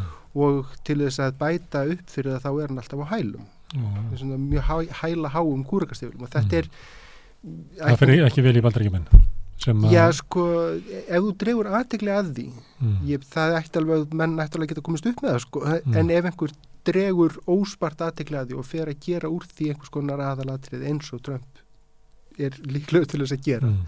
en þá getur það alveg hérna, sko, náttúrulega veikleikar er ekki veikleikar en einhver dragi aðtegli að því. Mm. Trump hefur mjög gott, sko, næmt hann svona, skaut þessa sem að þú nefndir áðan eiginlega hvernig hann fættur öðrum með með- nákvæmlega svona, svona- hætti. nákvæmlega þessum sama hætti, gera grína karlmennsku þeirra Já. eða sem sagt, sko, því að, já. En þú eh, sagðir áðan að, að Trump ætti svona þriðjunginn af, af uh, grasrótinni Mm og svo nefndur þarna hvernig hún var uh, fyrir uh, tveimur árum. -hmm. Er það sangjant að segja að, að það hafi verið fulltrúar eins þriðja af mögulegum kjósutum uh, republikanlokkisins sem hafi gert árás á þinghúsið? fulltrúar einstriðja Ha, fulltrúar einstriðja já, fulltrúar. Að það sé að þetta sé svona e, e, mynd af einum þriðja af þessum hópi? Eða er þetta eitthvað svona brot úr honum sem að er svo öfgafullur? Eða er, er þetta hópurinn sem að er sannfærður um að, að hafi verið kostningasvindl Trump hafi verið rændur hérna kostningunum og það sé hluti af einhverju samsari gegn þessum hópi sem að er sömur ástæða fyrir því að efnaðslegir hérna, styrkleiki hópsins fyrir eh, niður og þar á hundi gotunum er þetta þannig? sko nú ætla við, ég hef ekki séð neinar sko, sérst hann er rannsóknir á samsetningu þeirra sem voru þarna Nei. sérst 7. janúar og það er mjög áhugast að sjá hvernig það sérst, hva, af hverju fólk var þarna. Og það er náttúrulega eitthvað sko í öllum svona mótmæla sérst atbyrðum og upp, sérst einhvers konar uppþótum, uppreisnum byltingum, byltingartilraunum að þá er fólk mætt á staðin af ýmsum kvötum og þetta, við sjáum þetta bara á Íslandi þess að í búsaldabyltingun Mm. að það fólk, það er ekki allir komnið til þess að mótmæla nákvæmlega því sama og menn hafa mjög ólíkar hugmyndur um hvað þeir vilja sjá gerast. En þeir eru allir saminar í því að upplifa að það sé einhvers konar gríðarlega mikilvægt órættleiti sem átt sér stað og þeir eru allir sammála um hvert er eiga að fara til þess að mótmæla þessu Mm. órættlæti og þannig að sko en það sem er kannski stóra atriði hérna er það að síðan verða þessir atbyrðir að einhvers konar sko hvað getur maður sagt, þeir, þeir verða að að symboli fyrir eitthvað ákveðið. Og 7. janúar hefur orðið að þess átt að symboli fyrir núna stóran hluta af republikum og já, sennilega þessa 30 always Trumpers 30% always Trumpers sem, sem myndi kjósa Trump sama hvað að þeir, að þeir kjósundur eru líta þá núna svo á að þessi atbyrður sé semst, þarna hafi fólk verið í þeirra umbóði og í- semst, það er Það sko er ekki þannig að þessi atbyrður hafi og svona versnaði með eh, sögunni og fólk afnittunum. Nei, að frekar á veginn frekar sko, og það er svolítið áhugavert sko, því að, að hérna, framan að þá leita út frekar út eins og það væri sko, að stefna verið frekar í það að, að, að hérna, svona, fólk væri að vakna upp eða sjá sem sagt, 7. janúar sem það þann alvarlega atbyrð sem hann var að þá er frekar sko á republikanum megin að það sé sko vaksandi tilneng til þess að líta svo á að þetta hafi verið sanngjörn eðlileg mótumæli Mm. ekki einhvers konar byltingartilraun eða hérna uppþótt heldur sko eðlileg mótmæli Uh, Ron DeSantis, hann hérna í kostningunum að þegar hann vann góðan sigur í, sem fylgistjóri mm -hmm. þá sá maður svona, svona ánægju með það að þarna væri kannski komin einhver sem að gæti Mhm. sko, jáfnvel stækkaði með einhverju velgengni og, og, og þannig að, að gert möguleika Trump hérna litla. Það hefur ekki alveg orðið. sko Það er bara fáir sem að voru með þessa von þegar áreinir Ég held að, að sko, sko, DeSantis er ekki búin að lýsa yfir frambóði, en hann er að, sko, hann er að gera allt sem frambjóðandi væri að gera. Mm. Hann er að gefa út sagt, bók um sín mm. sína fyrir Ameríku og sem er mjög áhugað eins og í þeirri bóka, hann nefnir ekki einu orði uppdótið eða árásun á þingúsið mm. ekki með neinu, bara ekkert sko. Og republikanar hafa haft sko, viljað sneiða sko, hjá þessu allir raunverulega nema Trump og mm. fyrir hann og hans tjósendur er þetta mikilvægt defining moment mm. Um, en hinn er með ekki andmælisu heldur, er það þannig að þú hérna vilt ekki styðja þetta en þú veist jáfnframt að þú mátt ekki andmælisu því að þá færðu helst bara ekkit vera að tala um þetta þetta er allt saman erfitt og flókið ja. og, og hérna, vandræðilegt mál og, og bara komast reyð og það hefur verið sko hérna óskflokksins síðan 2020 er það að reyna að komast, move on einhvern veginn að reyna að komast en Trump vill ekkert leifa um það hann er ennþá á mm. svæðinu mm. og partí er ekkert búið fyrir hann segir þessi búið mm. og hérna en sko það, það er búin að vera náttúrulega síðan 2015 hefur verið þessi leit að einhverjum öðrum. Mm. og menn hafa bundi vonir við mismundi karakter á mismundi tímundum og núna seinast er þetta Santis mm og maður sér það semst á Fox sem hérna fókusir á DeSantis og hann er á öllum stundum og það er semst í öllum hérna þáttum og allir þáttastjórnundur og allstæðar og, og Fox er líka að hérna hæpa upp svona þau menningastriðismál sem, sem DeSantis er að reyna að gera reyna að gera sér einhvern mat úr og þetta semst að hans sko hérna innleggi í kostningabarátunum verist núna að vera sko, hann, hann ætli sér einhvern að berjast við einhvern hérna, woke mind virus mm. það er einhver hérna, heila sko, vírus sem gerir fólk hérna, woke sem mm. að þurfi að frálslendi hugsun já og sko hvort það dögarunum það er ekki líklegt, mér finnst það ekki sérstaklega lí, lí, sko líklegt að það eitt og sér og Þeir voru fólks... samerjar hann og Trump hvað er munur á þeim? Það er erfitt fyrir okkur hérna upp á Íslandi að okkur finnst þetta að vera oft svo líkt. Hvað, er munurinn? Þú ættir að útskýra það fyrir mér. Já, sko, hver er munurinn? Ég, ég þyndir bara mikilvægast er munurinn kannski og það sem, svona, sem skiptir máli held ég, er það að hérna, að það er samt að sé sko að, að flestu öðru leiti sko klassískari republikani kannski en hérna Trump og eitt gott dæmi um það er sko eitt af svona langtíma markmiðum republikaflokksins hefur verið að sko skera niður eða koma einhvers konar böndum á og, og, og hérna draga í land með almannatryggingar mm. Social Security og Medicare og, og Medicaid mm. Social Security og því að þetta eru mjög vinsæl sko almannatryggingarnir eru mjög vinsælar og sérstaklega meðal eldri kjósunda og stór sluta kjósundum republikana, þá hefur þetta verið erfitt fyrir þá að leggja til aðlögu við svona semst, og þetta er mikilvægast að stóð bandariska velfærikerfi að því varkið sem það er til eru þessi program og DeSantis hefur verið opnari fyrir sko niðurskurði og einhvers konar endurskipulagningu sem þetta draga úr umfangi bóta Trump hefur hins vegar séð og skilur að það er eitthvað sem er hérna, tapar, þú tapar bara atkvæm á því og þannig að ég hugsa sko það eru sest, sest, í kjarnin hjá sko stóri munur held ég að sé kannski sko sá að Trump skilur að það er semst einhver það er materiál raunveruleiki sem skiptir máli mm. Og sá materiál raunveruleiki í honum búa fleiri en bara stórfyrirtæki mm. þar býr líka fólk meðan að fyrir sko svona þá tegund af republikunum sem hafa verið ríkjandi allt síðan raunverulega sko á tíund áratöknu með hérna Gingrich og, og hérna að það er sem sagt svona sko svo sína að það sé sko það er þessi menningastriðis veruleiki mm. og þar býr fólkið og svo er skilur þegar kemur svona materiál sko, grundvallar spurningum að þá er það spurningum skattalækkanir og að lækka mm. sagt, sko, hérna, byrði eftirlits og skattlagningar á stórfyrirtækin sem búa í sagt, raunheimum. Gæti að vera þannig að þeir hugsa sér svo að við bjóðum hérna, fólki upp á menningastriðið, þannig fáum við atkvæði hérna hinn að uh, tekjulæri En við, við getum aldrei farið í því að bjóða upp á einhverju valkosti gagvart sko hörnandi efnarslegri stöðu þeirra því það, það er demokrata verk.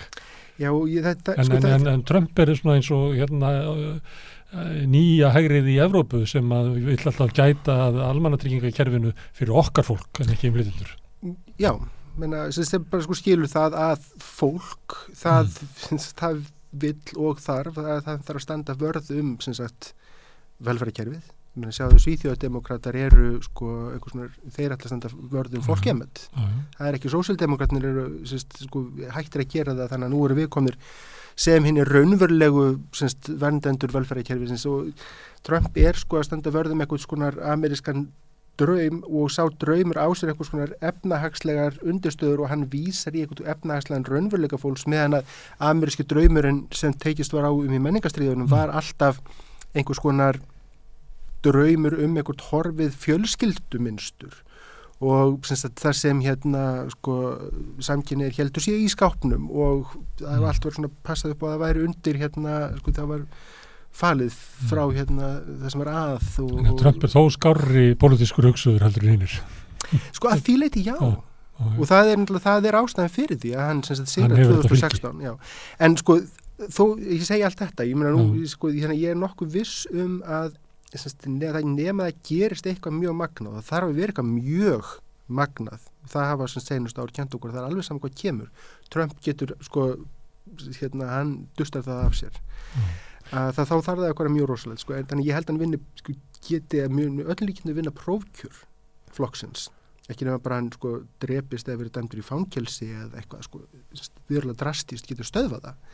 En það að hann geti síðan unnið kostningarnar það veist mér ólíklegt. Já, ekki það að ég sagði það líka 2016 já, og þá var leit út fyrir að það var nætti eng, sko, mjög lítinn sens og þegar Nate Silver gaf hann 30% líkur á því að vinna kostningarnar 2016 og hann síðan siglir til sigur nokkuð öruglega og það bara augljóst mjög snemma um nóttina að þá er það eins og þrjum úr heiðskjölu lofti sko, ég, þannig að hann en ég held sko að hann hafði svo margt með sér þá sem hann hefur ekki núna. Nei. Og það er til dæmis eitt er sko það að innan eins og innan republikaflokksins að hérna, þá var hann með sko einhver hérna hvernig var það sko 48% hérna, einhvers að það er hann bílunum réttum 50% allra sko sem, sagt, sem voru ekki með háskólapróf en meðal þeirri sem voru með háskólapróf var hann með einhver 35% sko, þannig að það var mun semst, fylgja hans var mjög ójæmt eftir stjættastöðu sko meðal kjósunda republikana.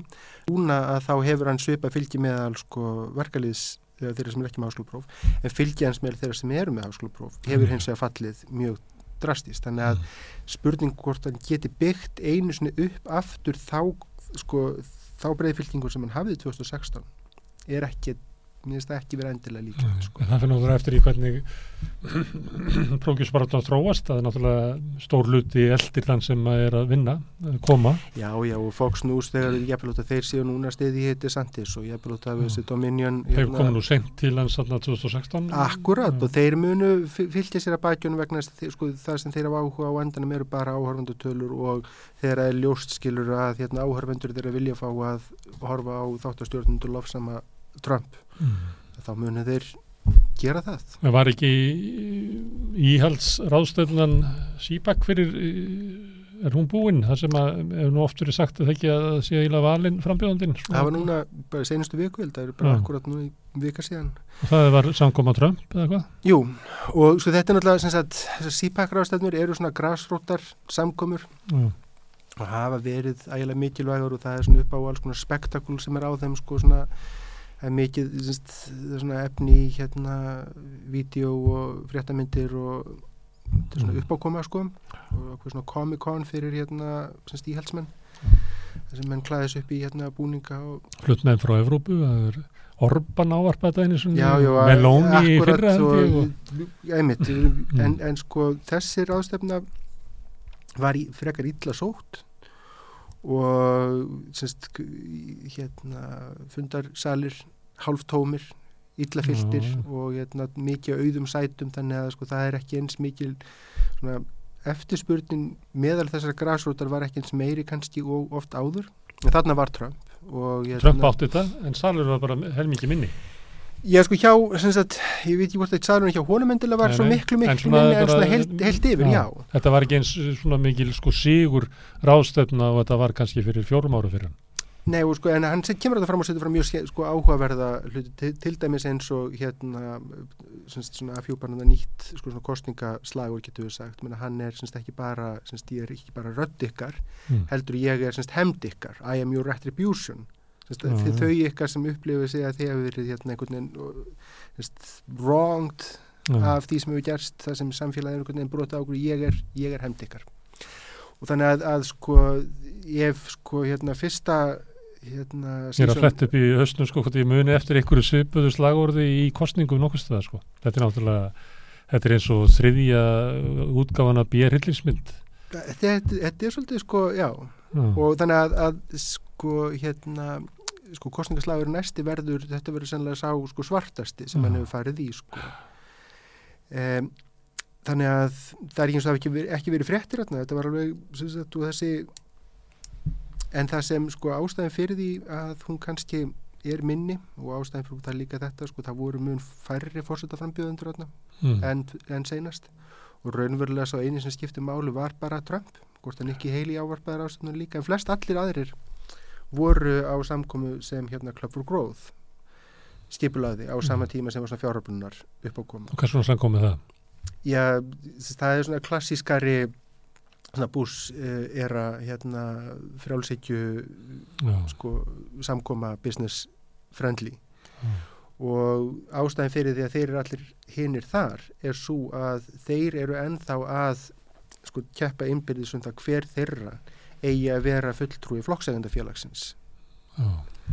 og þess vegna eru þeir og þeir þurfa ennþá á peningunum að halda Trump þarf ekki á peningum stórfyrirtækjana að halda vegna þess að hann getur sjálfur safnað þessum peningum frá sínum hérna Græsvort. frá græsrótinni og hann þarf ekki að vera þarna eða hefur ekki engan áhuga á því vegna þess að hann hefur ekkert að sækja þarna hinn er hins vegar, þeir þurfa á peningunum að halda Mm. þeir þurfa að fá sagt, tilnefningu eða útnefningu þú verður, við getum allir saminast um þig því þeir eru allir að keppa um það, það sama Já, hlutur já. þannig það er hver þeirra leiði sagt, þessa sko millistjættar armflokksins frekar en þennan verkefliðsarm sem En er ekki þá líklegt að sé mikill þrýstingur á það að finna einhvern uh, sem fyrst sem að erði megin frambjóðandi gegn Trump til þess að koma kannski vekk fyrir það að hann sigli í gegnum og þeir hafa, sem sagt, það er disandi sem Fox er búin að veðja á.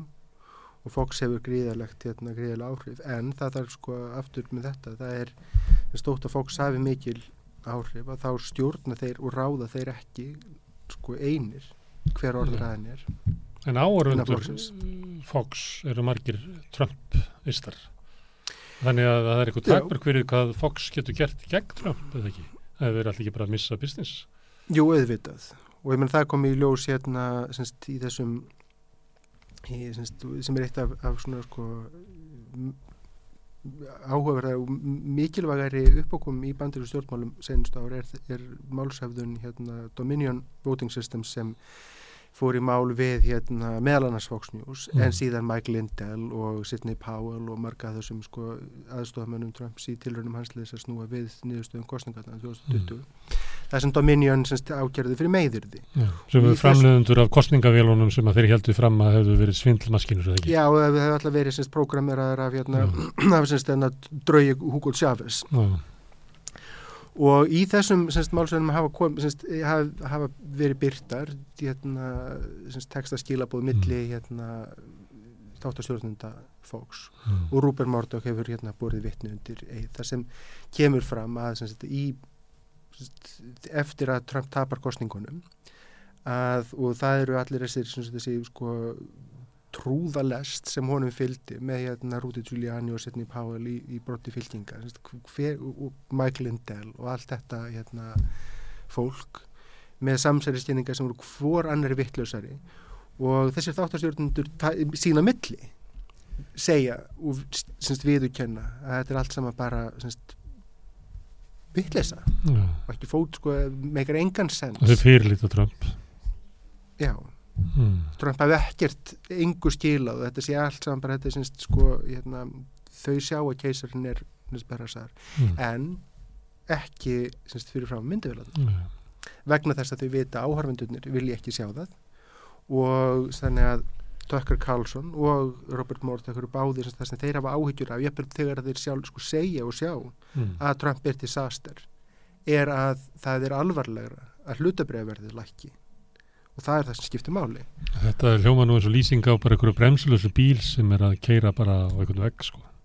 það, Það það er bara- svolítið Vittlisar heldur bara áfram. það, eh, sko, það náttúrulega er það sem hefur, hefur gerst sko, þegar þú ert búin að mata sko, stórun hluta kjósundahópsins á sko, ránkugmyndum um það að það sé búið að ræna samfélaginu af því af einhverju elítu sem sé að grafa undan menningunni til þess að draga aðtekliðina frá því sko, sem að það sé hinn raun, hindum raunverulegu sko, ránum sem eiga sér stað og eðileitingu sem er eiga sér stað sem er á sko, hérna, efna, efnaðisleir undirstöðu sko, daglegs lífs fólks sko, þegar að vandamál þegar þið þurfum að gaslýsa samfélagið á það hvað séu vandamál samfélagsins og dagsins í áratugi þeir eru búin að sko mata þau á endalösu hérna dæget af sko outrage og, og, og reyði og, og, sest, endar þetta eins og þau endar sko. Og það er ekki hægt að snúa við. Það er kannski sem er merkilegt að, að sko að Trump verður til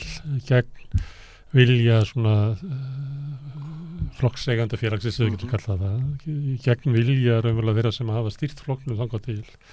Raunverulega gegn vilja þeirra sem að stýra Fox en einhvern veginn endar það með því að öll þessi fyrirbriði dæmast til þess að þjóna hann Já því eins og hann sko eins og hann hefur sko sjálfur margótt sagt sko minna hann, hann skapar áhörfundur mm. hann skilur það. Og það var út af það gekk frambúið 2016 var það að hann var, vildi sér sína fram á það að, að hann væri sem sagt já, fólk vildi hann, sjá Mm. hann og heyra í honum. Og þetta var allt sem bara eitt stór raunveruleika þáttur og það er það sem hérna þau koma á daginn. Já, en sko, en, sko, samt eins og ég segi að þú, þú ert sest, með þarna, annars er, eru sagt, hann er samt líka hann hefur fundið sko, og er að tala inn í eða tala til raunverulegra vandamála. Þótt að hann sé ekki með neina lausnir á þeim. Mm. þá er hann að koma auga á Já, já. og benda á og gefa því einhvers konar rödd Mm. og það er það sem fólk sko vantar Mm. en það sem hefur síðan bara gerst er á, það, það sem sko vandamál bandar stjórnmála, stjórnmála er bara það, það þau hafa sagt, það er óeðlilega mikið af sko hreinum lukkuriturum og vittlesingum sem þar hafa reysið til sko aðeins Mm. Og og er alltaf gott dæmi sko en það eru mörg önnur miklu miklu verri. Og ég meina það er allra sko fáránlegasta er þessi George Santos sem er þingmaður fyrir New York sem sko republikanir líka. Já og sko það er bara ég, ég held að það hafi ekki sko hafi ekki eitt stakt orð komið upp úr hann sem er ekki sko einhvers konar lígi mm. Ég meina hann er semst, allt sem hann hefur sagt um eigin sko bakgrunn og hvenna mamma hans deyr og úr Mm. hverju og hverja sko, fjöl, hvaðan fjölskyldan komi Mm. og hvaða mentun hann er með allt ligar og þetta er en svona menn geta reysið til einhvern veginn sko það er vegna þess að bara meina, ef, ef þetta væri pólitísk ef, flokkurinn virkaði þetta væri sérst, fung, fungerandi hægri flokkur eða íhaldsflokkur Mm. eða frálsíkjuflokkur eða eitthvað að þá væri hann ekki yfir fullur af lukkurutun Já. en þaðan er það bendir bara til þess að hann er bara ekki fully functional En Það er nú sagt það um republikaflokkin að, að hann sé eiginlega stefnulegs, hann sé ekki um neitt nema bara einhverja svona menn sem er að reyna að komast til valda. Að það er erfitt að segja það það, sko, fyrir hvað stendur republikaflokkurinn. í það er bara það, er Hvernig er sem sko framtíða sín republikaflokksins? Getur þú svarað þessu? já, það er bara, ég ánum bara svolítið erfitt, það er erfitt að segja sem er ekki, það er ekki skýrt núna í hvað átt hann er að fara Mm. og það sá flokkur sem við þekkjum sem er republikanflokkin allt síðan sko bara einhver tíman kringum 1970 þar sem sko einn af sko stóru burðar ásum flokksins eru ný íhjaldsmennir og ég menn þeir eru farnir og að Liz Cheney er er sko svo seinasta og það er sko þar með er farin úr sko einn af sko þessu mikilvægustu svona tjald sko hérna hvað getur við sagt stögum Já. hinn stóra tjalds Já. Ronald Reagan er farið og hvað þetta stóra tjald republikaflokksins er, er svolítið erfitt átt að segja á Mm. og þetta virðist núna vera einhvers konar svona traveling circus það sem hérna Trump er hérna semst, eða samansafna einhvern traveling circus ég Mm. mm. áttum ekkert Nei. almennilega á því sko, en í það minnsta þá er þetta sko er hann ekki semst, já það er svolítið erfitt að hvert hann er að fara hvað hann mun verða Það verður náttúrulega bara það sem að uh, það sem að uh, flokks uh, kýs sem næsta frambjóta. Já, og þá kjarnin í því sko, er, er einhvers konar, það, Og- meina, reyðin er Já, gríðarlega þú ert að segja að það verður líklega Trump, þannig að Já. uh, republikaflokkurinn er Trump. Já. Alveg þótt að vilja það ekki, en þá er hann það samt. Það mun verða það. Já, núna, semst núna næstu kannski þrjú árun og Mm. ef Trump tapar 2024 sem hann sannlega mun gera, þá er spurning geta þeir þá Já. fundið eitthvað nýtt eða, eða verður það þá bara skilur Don Jr. ég, semst, Já, já. guð, maður veit Ok. sko, hvert Herðu. það er að fara Biden var að leggja til uh, skattaðinganir í dag, eða var ekki í dag eða ekki er. Við höfum þetta, Já, já, þannig það, að skattleggja auð og, fyrirtæki, já, og stoppið við gatið. þetta hérna Er þetta tilugur eða er þetta hluti af hans kostningabartu? Já, sko, þetta er hérna sem sagt þótt að þessi skattahækkunar allar séu svona pappiránum sem sagt lúkar þetta mjög flott og náttúrulega hérna er hið sem sagt að þá er þetta ekki mjög sko byltingarkent í raun og veru Mm. þá er hann bara að leggja til að sko rúla tilbaka skattalækkunum Trump Mm. þannig að það er ekki eins og þessi verið að fara með sko skattbrósunur aftur tilbaka til sko sem sagt ásins 1960 eða eitthvað Mm. heldur bara nokkur ára aftur í tíma til þess að sko vinda ofan af seinasta áhlaupi hérna mm. republikana á ríkisfjárlögin Mm. og til þess semst með því að, að sko vinda ofan af skattalækkunum Trumpa þá getur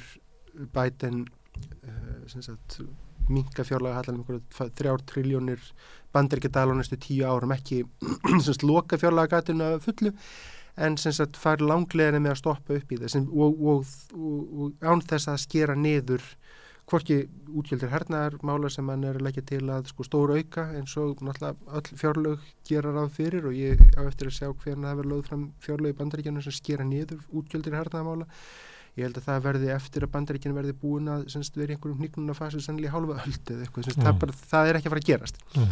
en hann leggur þó til einhver 1% niður sko til hérna Homeland Security og republikan er nú þegar búin að stökkva á það sko að því að Þessi Homeland opna Security landamærin. Já, það er þar með í opna landamæri fyrir hérna, innflytjendum og flóttamönnum og allra henda skilur uh, samfélagsleiri hnignun.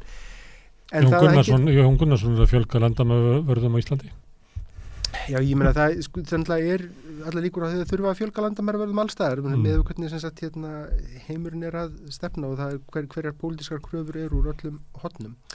En nógum það, hann getur sem sagt stoppaði stórleit í fjárlagagati með því að vinda ofan af skattalækkunum Trump, það þarf ekki sem að segja okkur að gatið er vegna skattaafsláttar til hinnar Já, eins eilífs skatta afsláttar, Já. af, ár eftir ár eftir ár Já. síðan sko í sérst valdatíð Reagan. Þannig að Það er ekki Þetta- vandi þetta ríkis- það er ekki vandi með ríkisrekstur nema þegar stjórnvöld eru alltaf að gefa skattana eftir til hinnar ríku auðvöld. Já, það væri engin, engin fjárlega gatt sko ef, ef það væri bara skatt heimt að væri sæmilega sómasamlega eðlileg. Mm. En semst hann mun aldrei fá þetta samþygt sambarlegar hérna tillögur voru fekk gattin ekki fengið samþygt þegar demokrata voru með meira hluta í þinginu þá nú eru republikana með meira hluta í þinginu þannig að það er ekki, það er ekki að fara að gerast sko. En þannig að hans sko þessi þetta fjárlega frumvarp eða uppkast hans er hérna í raun og veru bara sko útspil í eh, hérna samningaviðræðir við þingið um fjárlög útspil hans í samningaviðræðin við þingið um skuldathag bandaríkjana sem Mm. er sko svona næsta stóra pólitíska átaka semst eplið þegar maður getur kallað Mm. sem sem verður núna að þarf að útklánin núna í sömar annars þá verður hérna greiðslufall á ríkiskuldum bandaríkjana þannig að það verður að leysa úr því og republikanar hafa sagt að þeir gera kröfur um stórfelda neðurskurð en hafa ekki verið tilbúin til að setja fram neinar sko hugmyndur um það í hverju sá neðurskurður eigi að felast eða hvar hann eigi að vera eða neitt skilur þeir hafa talað um það að þeir vilju fá hallalus fjárlög en hvernig á að ná því fram? Já það er engin svör fyrir því. Bætin er að segja hérna er mín tilega nú þurfum við að sjá eitthvað frá ykkur og sagt það er Þeir- það sem hann er að þeir segja bara nei.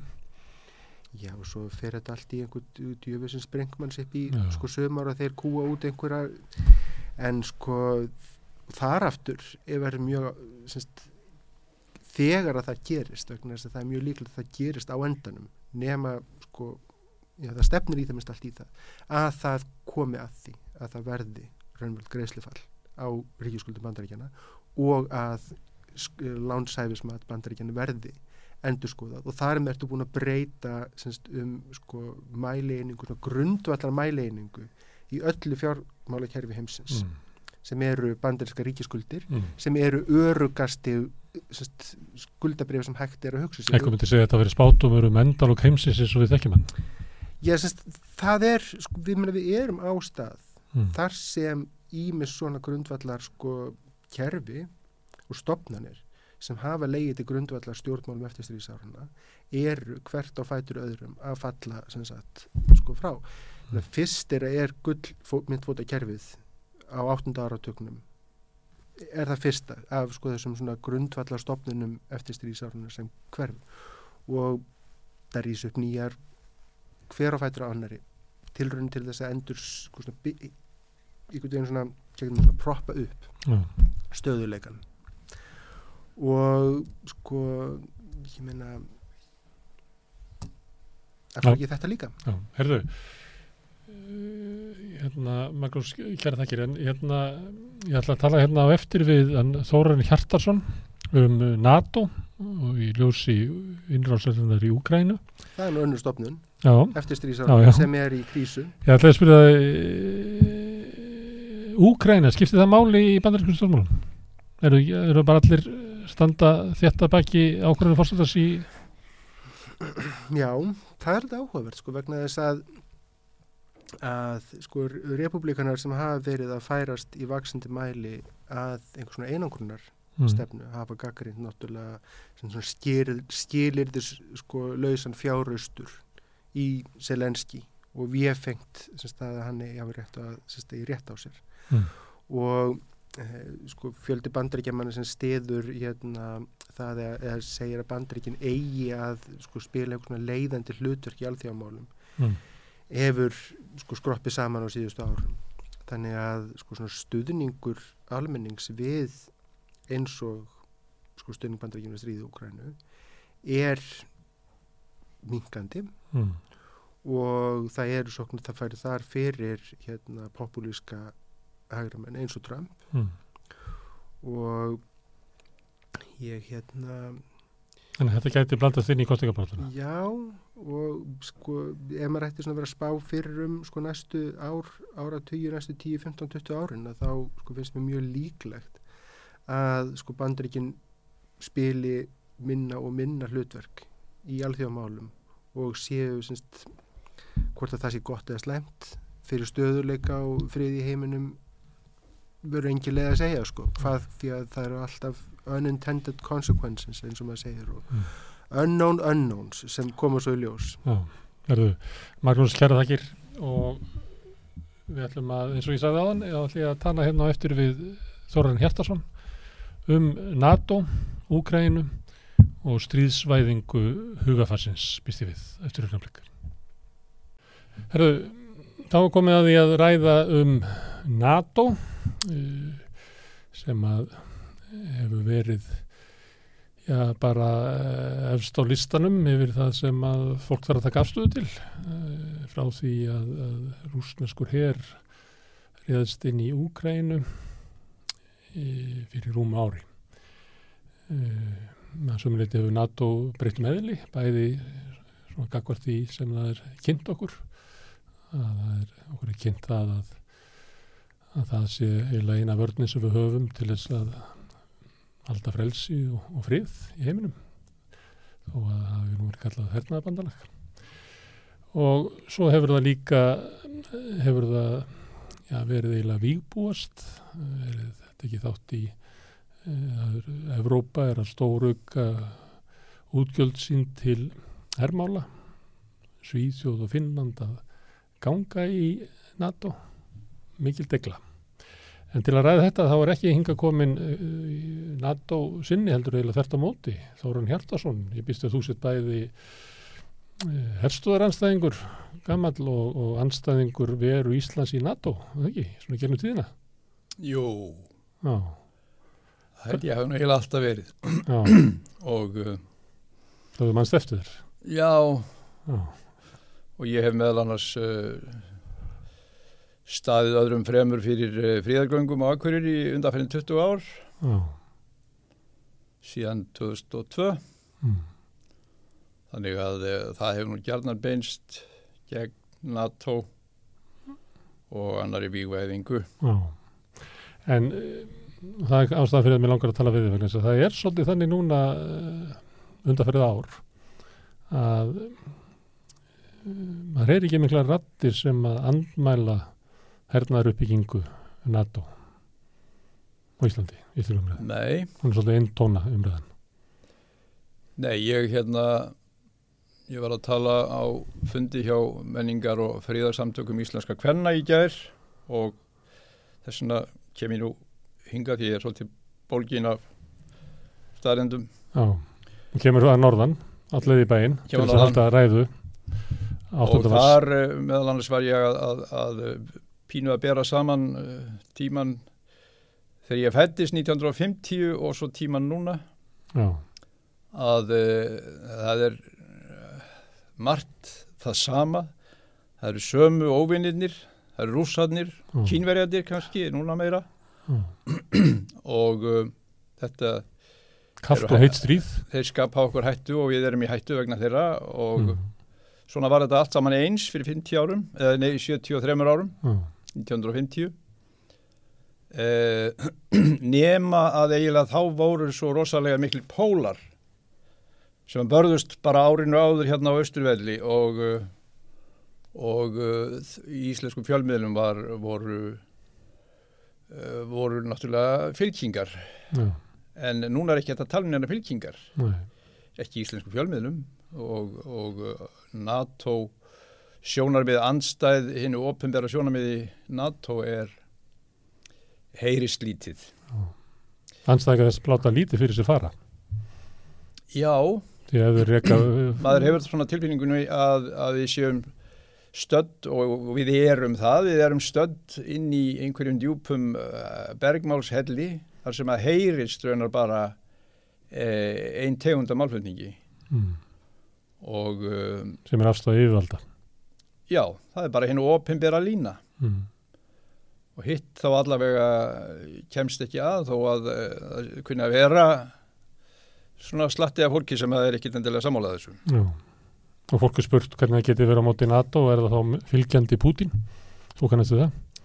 Já, Já, það, það er uh, sko þetta er svolítið uh, ég held að megi kannski bera svolítið sama við tíma eins og, eins og í byrjun fyrri heimstyrjaldarinnar Mm. þegar að uh, menn voru mjög æstir uh, og, og stríðsæsingar ástand og uh, í, til dæmis í Bretlandi þá var Vilhjálmur keisari algjert skrimsli mm, og uh, þjóðverðar voru algjerar skeppnur og þeir háðu stríð sem var, var reyn uh, villi mennska og, og, og og allir þeir sem að, sem að hérna, dróu eitthvað þennan málflutningi ef að þeir voru bara talsmenn Vilhjálms já. þannig er, er þetta Og fríðarhefingarna sem voru til fyrir stríð, það þær gufuðu upp. Það voru mjög sterkar í eldri, sko, meðal sósélista og verkefliðsina. Var, var fríðarhefing þangað til að skalla á með stríðið. Þá hættu megin þorrin að, styðja frið og lagðist á stríðsæsingavagnin. Já, það er uh, kannski auðvelt að uh, vera fríðarsinni þangað til að stríðsæsingar áróðin tekur öll völd Já, og uh, það er margt uh, finnst mér uh, keimlíkt með þessu ástandi núna Mm. eins og þá. Drífa Snædal var hérna stuttu eftir innrásinna í Úkrænu. Hún sagði að það að vera fríðarsinni á fríðartímum er svona svipað eins og að vera vegan á milli máltíða. Það reynir ekki á fyrir en að máltiðin kemur Já. hvort þú ert vegan eða ekki sko. já, já, það, það er auðveldara Já. En heyrðu, NATO, finnst þér að NATO sé að breyta um eðli eða er, er NATO að breytast? Nei, ég held ekki að NATO sé að breyta um eðli, það er bara annar, já, NATO náttúrulega breyti um eðli um aldamótin síðustu þegar að það hætti að eh, að vera bara fókusað á um, já, þegar það var bara skulum segja bandalag vestur-Európu þjóða Mm. í það að vera, vera nattrænt bandalag með, með starfsemi og, og takandi þátt í hernað í Afganistan og Norður Afríku og, og en uh, Og það er annað NATO heldur en var já, það er, 1970. það er annan NATO, það er nattrænt NATO Já. og uh, sem að uh, sem allur hnötturinn er undir Mm. En heldur að við, Íslendingar, að við höfum svona tekið afstöðu til þess? Viljum við vera líka í þessu NATO eða, eða breytist bara NATO og við fylgdum bara með? Það var aldrei neinn umræða innanlands um það hvort að þetta NATO hendaði okkur. Nei, það, ég man ekki eftir því að það hafi verið eitthvað rætt sko Nei. þetta gerðist raunverulega svona dáltið þegjand og hljóðulust þá, þá var uppi eitthvað sem hétt stríð gegn hriðjuverkum Já. sem var nú gríðarlega loftkjent fyrirbæri og, og svona erfitt að skilja en, en þar var hættan einhvern veginn allstaðar sko. þannig að uh, þá var það það var það uh, greiningin hún var svo að óvinnurinn var uh, hinn uh, leindi hriðjuverkamaður Sem er að grafa Núna undan. hefur hann hefur, hefur já, sumuleiti fókusin færst í svipaða átt og hann var eins og ég var að tala um áðan Mm. eins og það var þegar ég var að fæðast Já. og og upp kemur þetta ástand sem að um, tengist nú mjög mikið Úkrænudeilinni Já. og uh, það er svona ég hérna í henni er er ákveðin opinber lína Mm. má segja inn í þessum bergmálshelli okkar, línan sem við heyrum og uh, ef ég fer aðeins yfir hana Já. hver eru megin atriði Já. í henni opinberu línu að þá er það e, henni opinbera greining á Úkrænustríðinu e, í fyrsta lagi stríðið er tilefnislaust að hálfu rúsa unprovoked árásar stríð sem að hófst 24. februar 2022 e, í öðru lagi stríðið er bara stríð millir Úslands og Úkrænu og uh, framlag NATO og uh, bandaríkjana er fyrst og fremst að uh, koma til hjálpar eða já, aðstóða bróður í neyð af því að hann byður um hjálp Mm. Og uh, í þriðalagi Rúsland er í einhvers konar heimsvaldastríði Rúsland er í heimsvaldastríði það er í landvinningastríði og, og, og Putin er í hlutverki Hitlers Mm. sem að tekur þetta og þegar það fellur þá tekur hann bara næsta og uh, fjórða atriðið er að rússar heia sem að myndi kalla terrorist stríð eða terrorstríð sem að, sem að beinist alveg eða sérstaklega gegn uh, uh, óbreyttum borgurum. Mm.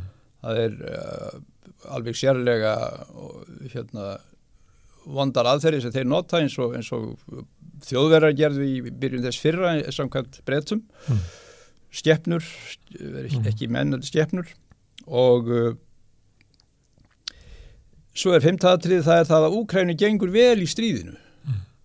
Það er unnið. gengur alveg hörmulega og uh, það má segja að uh, úkrænumannum gangi alveg förðulega vel og það geta unni þetta stríð uh, eða fá bara nóga vopnum Mm. Og það sé eina leiðin til að enda stríðið Já, það er eina leiðin til að enda þetta stríð Að fullnaða sigur. og uh, svo er það í sjötta lagi það er það að um, að hérna alþjóða samfélagið eh, er eiginlega sameinað eh, á, á móti rússum í þessu Mm. stríði og uh, já og ég tel að, að eiginlega allir þessar punktar séu rangir Ekki fullkomlega rangir. nei, nei, ekki En- fullkomlega rangir en, en enginn aðeins stendst raunverulega Nei, sem setti fram, í samikið þess sem eru setti fram að þá séu rangir. Hefur að lappa í gegnum þetta?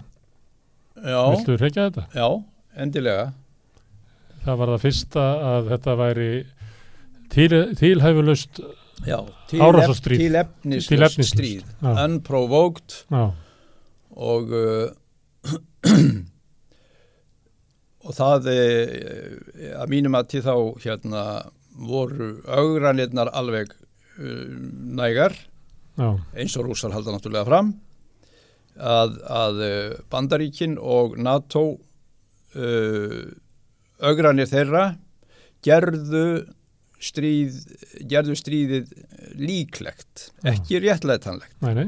Og þegar NATO hefði mátt vita já, að þetta gæti enda þarna, já, bara Og- með því að skoða söguna. já, já En í þessu ert þú ekki haldaði fram að það sé réttlætilegt? nei, nei, að þér eru þetta- augra svona eins og, Þetta er árásastríð Já. og þetta er óréttlætanlegt árásastríð. en NATO og Bandaríkin hefðu mátt hérna, hegða sem öðrum hætti Já, til að fyrirbyggja stríð. Sko, a- Sem er aðal- hlutverk NATO er að halda fríði í Európu, ekki? Jú, jú, einmitt. Mm. Eh, frið í Európu, eh, það náttúrulega var stopnað til þess að berjast við Sovjetríkin, en eh, Sovjetríkin lagði niður eh, sína hérna, eh, Varsjabandalagið, stuftu áðan að þau fjallu síðan sjálf og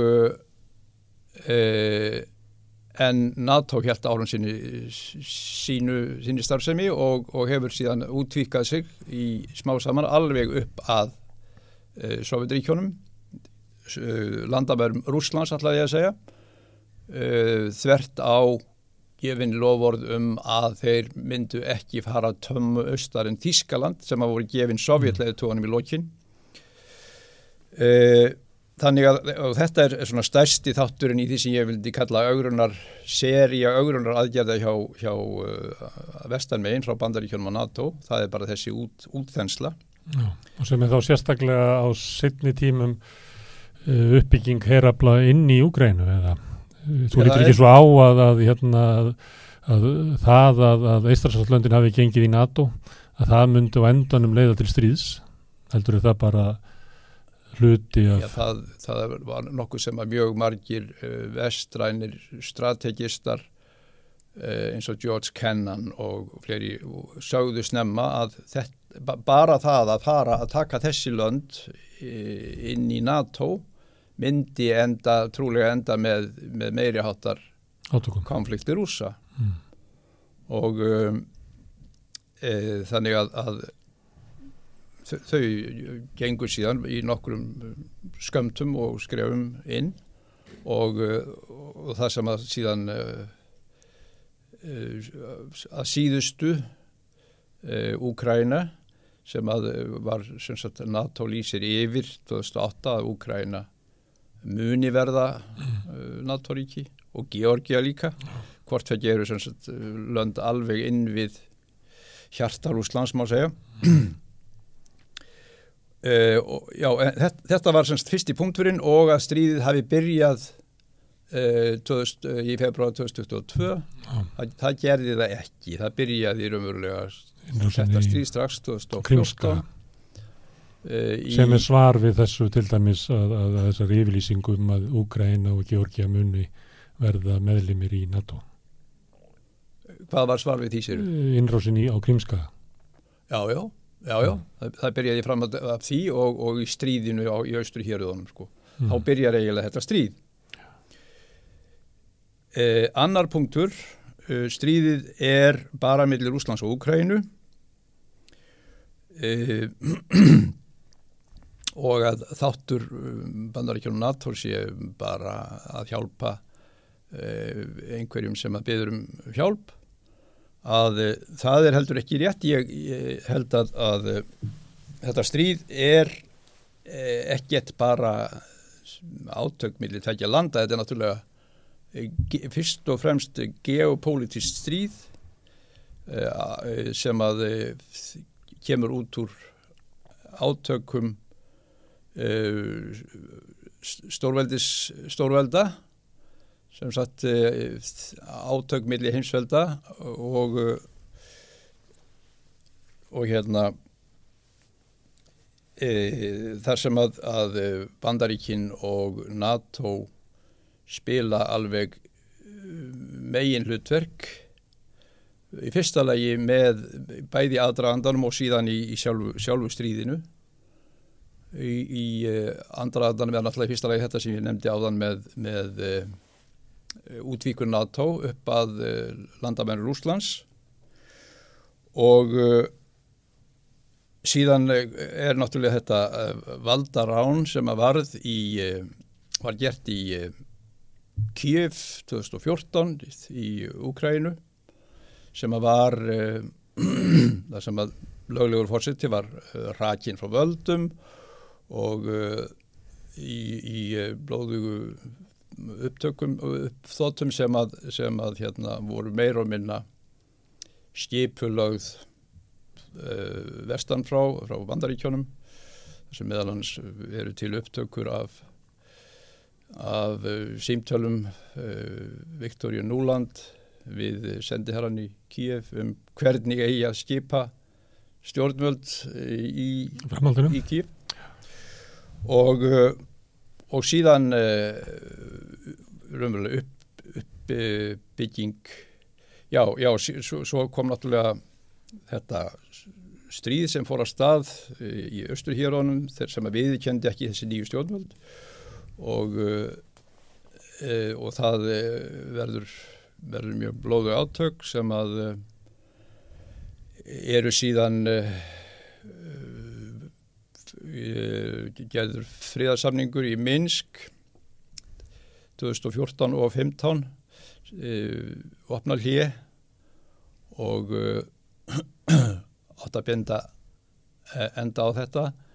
En, en hættur umverulega aldrei og var aldrei virtur af Úkrænu og ekki heldur af Vesturlöndunum. Og það kemur nú fram núna nýlega að, að hvorki uh, Poroshenko fórseti uh, þá nýje uh, nýje Merkel og Hollande sem voru ábyrðamenn vestursins ætluðu sér umverulega ætluðu þessum samningi að standa heldur, heldur var hann eh, hugsaður sem, sem að, kaupa tíma Til að byggja upp úgrænskan Já. hér. til að byggja upp úkrænsk varnir Úkrænu Mm. og, og, og, og hermátt Mm. þannig að, að uh, þannig að, umverulega það að, að Minsk var það er, það er mædan uh, skulum segja litabildingin og, og svo þetta hvernig Minsk var ekki uppfylltur og, og hvernig Úkræna var síðan byggð upp með vestræðni vestra, uh, vestræðni aðstóð Og undir bandarískri forsjó. Já, þetta er allt saman uh, má segja e- tegundir af, af um, tilefnum sem að varða rússum Mm. sem sagt mm, provokasjónum sem þeir kalla. Mm. Þetta var þriði punktur. Annar punktur. annar punkturinn. En áður við förum í þriðja, varandi fyrsta, þá er þetta árásastríð, Já, en ekki tilumslust. Ekki uh, fullu er árásarstríð. Ef, ef við horfum á þetta út Já, frá sjónarhóli stórvelda átaka, já, þá er það ekki. En þá segja sumir, en við getum ekki hort á heiminn þannig út frá okkur stórveldum, þannig er bara að kemur stór uh, nágranni, ofbeldisfullur, ræðst inn í land, það er árásastríð, ef við ekki að standa með þeim litla sem að hinn stóri ræðst að. jú, Þú veist, uh, ég, ég er að spyrja því, getum við hort framjá þessari nei, nei, stórvelda tabli nei, nei, nei, og tekið bara svona hjartarreina sveitamanns afstöðu og þetta stöndum við múgrænu gegn árási, árásum rúsneska bjarnaris. Já. Uh, í, í þeim þætti sem að ég vil, ég vil meina að Úkrænustríði sé samsett úr nokkrum stríðum. Já, Það er, er uh, borgarastríð innan Úkrænu uh, á meili rúsnarskumælandi og, og, og hinna. Um, það er um, uh, sem, að, sem að síðan breyttist í annars konar stríð strax með því að, að, að vestrið stutti annan aðilan og rússar stuttu hinn. já, Og svo er það þetta stríð sem byrjaði í fyrra, fyrir ári síðan þegar rússar ráðast inn og þá er það fyrst og fremst millir Rússlands og Úkrænu. Og svo er það, er það bara geopolítist meiri haftar stríð í milli, milli bandaríkjana og Rússlands. það sem úgrænu er eiginlega fórnalamp. Já, sem Úkrænu er, er eh, staðgengill og fórnalamb. Og það byrjar, má segja, 1900, upp úr 1990 eða afleðing af, af því þegar, þegar að uh, NATO fer að færa sig upp að landamennu Rúslands og, og byrjaði náttúrulega var á sinnhátt framhald af hinu kalda stríðinu. Þetta er flókið stríð, Og þannig þessi sveitamanns afstæð sem ég var að bjóða upp á, að hún, hún er of bláið. Já, já, ég, ég sko, ég meina þetta er árás og stríð en, en, eh, en það hérna að geopolítíkin skiptir ansið miklu máli er, er eh, hægt að hérna að mynd eh, gera með því að, að, að skoða, að bera til dæmis sama við hérna uh, skotflögarnar sem að rússar ætlaði að setja inn á Kúbu.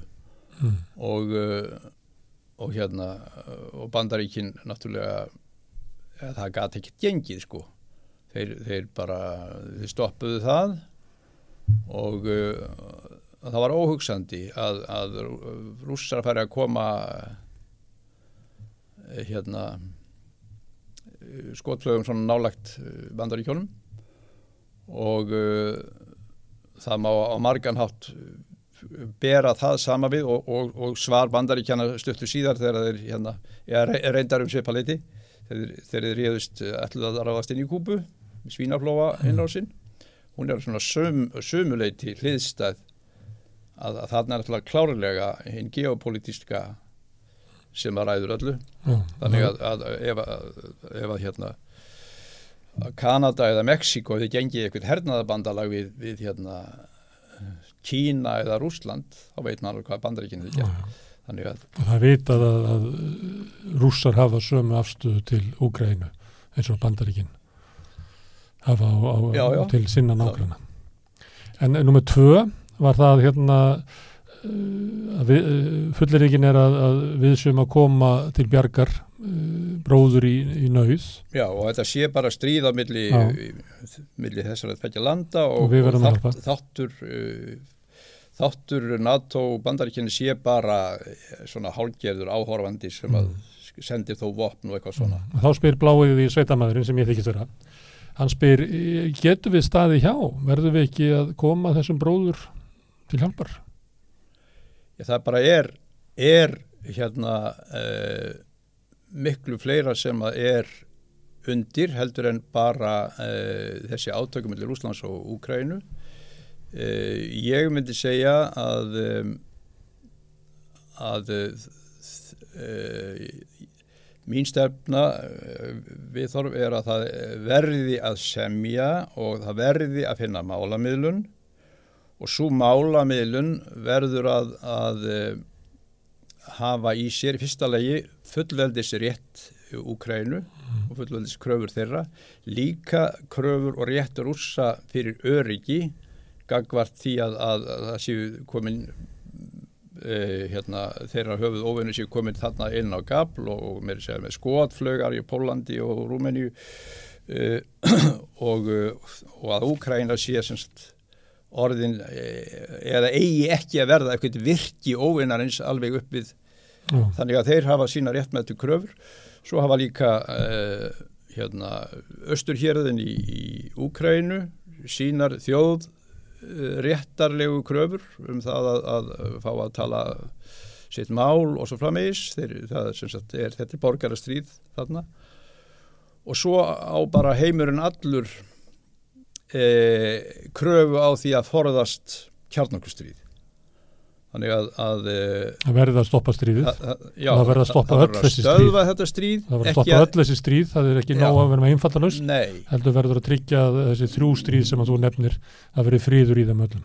Það er þetta borgarastríð árásastríð rússa inn í Úkrænu og svo þetta geopolítiska og hérna um, og, og það, það bara er glötuð afstafa að, að að lausnin sé að vinna þetta stríð, það er að stoppa það sko. Og það verður að finna Já. þá voru kannski, voru kannski að svindla en hvað var punktur um þrjú? eh, já, hann er sá að Rúsland sé í heimsvaldastríði landiningastríði og um, þeir uh, Dóminó. stefnja og að gleipa Úkrænu og, og síðan bara eitthvað meira þeir, og Pútín sé í hlutverki Hitlers. Já. uh, ég veit ekki hvað nákvæmlega hvaða hérna uh, markmið Pútíns er í þessu stríði en uh, í fyrsta lega það hafa rússar aldrei sett fram landkröfur á Úkrænu þeir hafa bara sett kröfur á þeir viðkendi sjálfstæði þessara uh, héraða.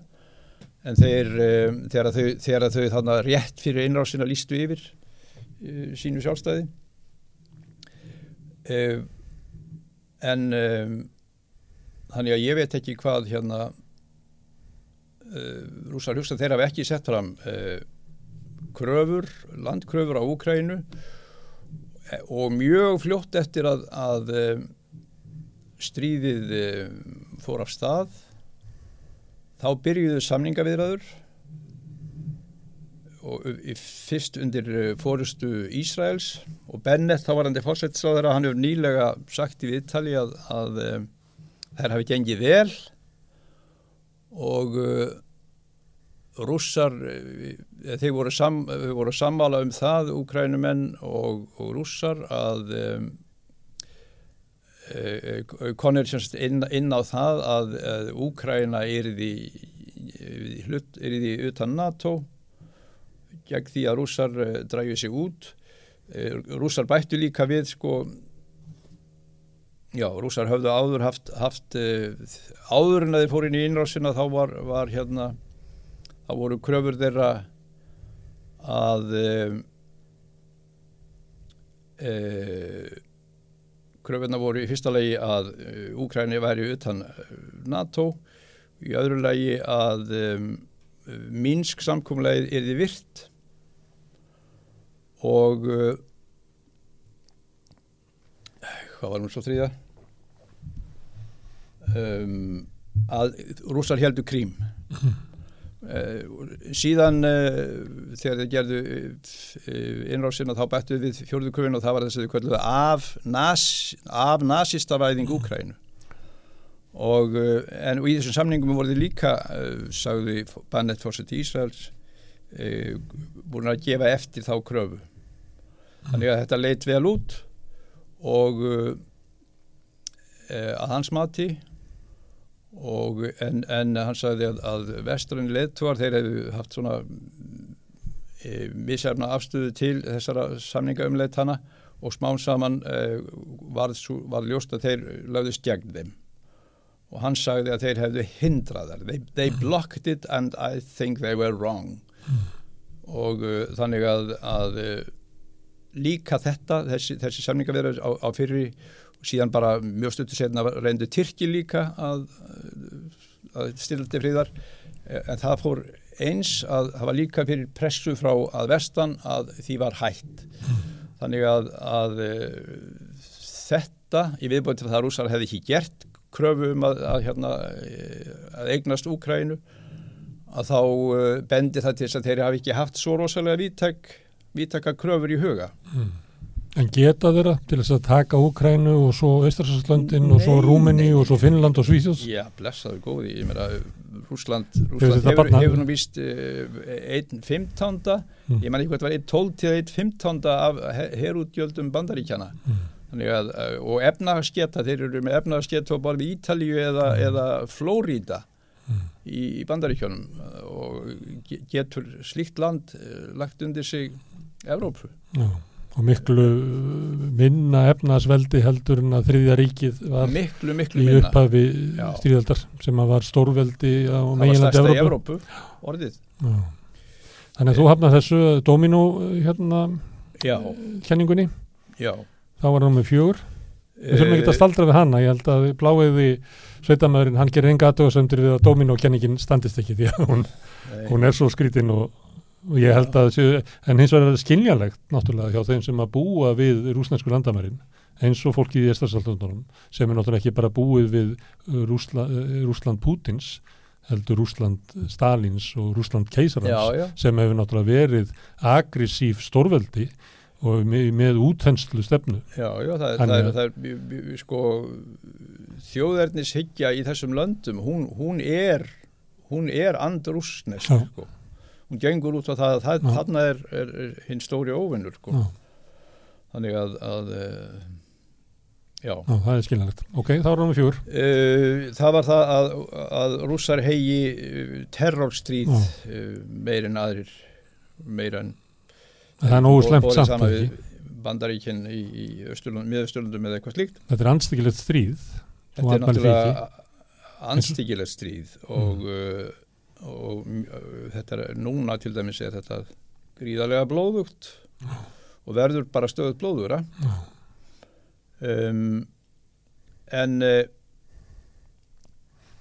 uh, hins vegar þá uh, er uh, hérna já maður, maður sá til dæmis bara núna nýlega í, í, í þætti í sjónvapinu og kveik þar sem að þessu er líst að, að rússar séu raunverulega sérstaklega að ráðast á annana borgara og skjóta á íbúðablokkir og, og, og það eru nöðganir og, og, og já, menn, bara teknir að lífi almennir borgarar í massavís framvegis. En, en uh, uh, tölur benda til þess uh, ég held að nokkuð svona trúlegar tölur meðalans, meðalans frá Ísrael sem að hafa nú virðast nú hafa þarna nokkuð góðar uppsýningar er að, að hérna uh, mannfall sé orðið gríðarlega mikið, það er orðið allavega 200 til 300 þúsund manns. Og uh,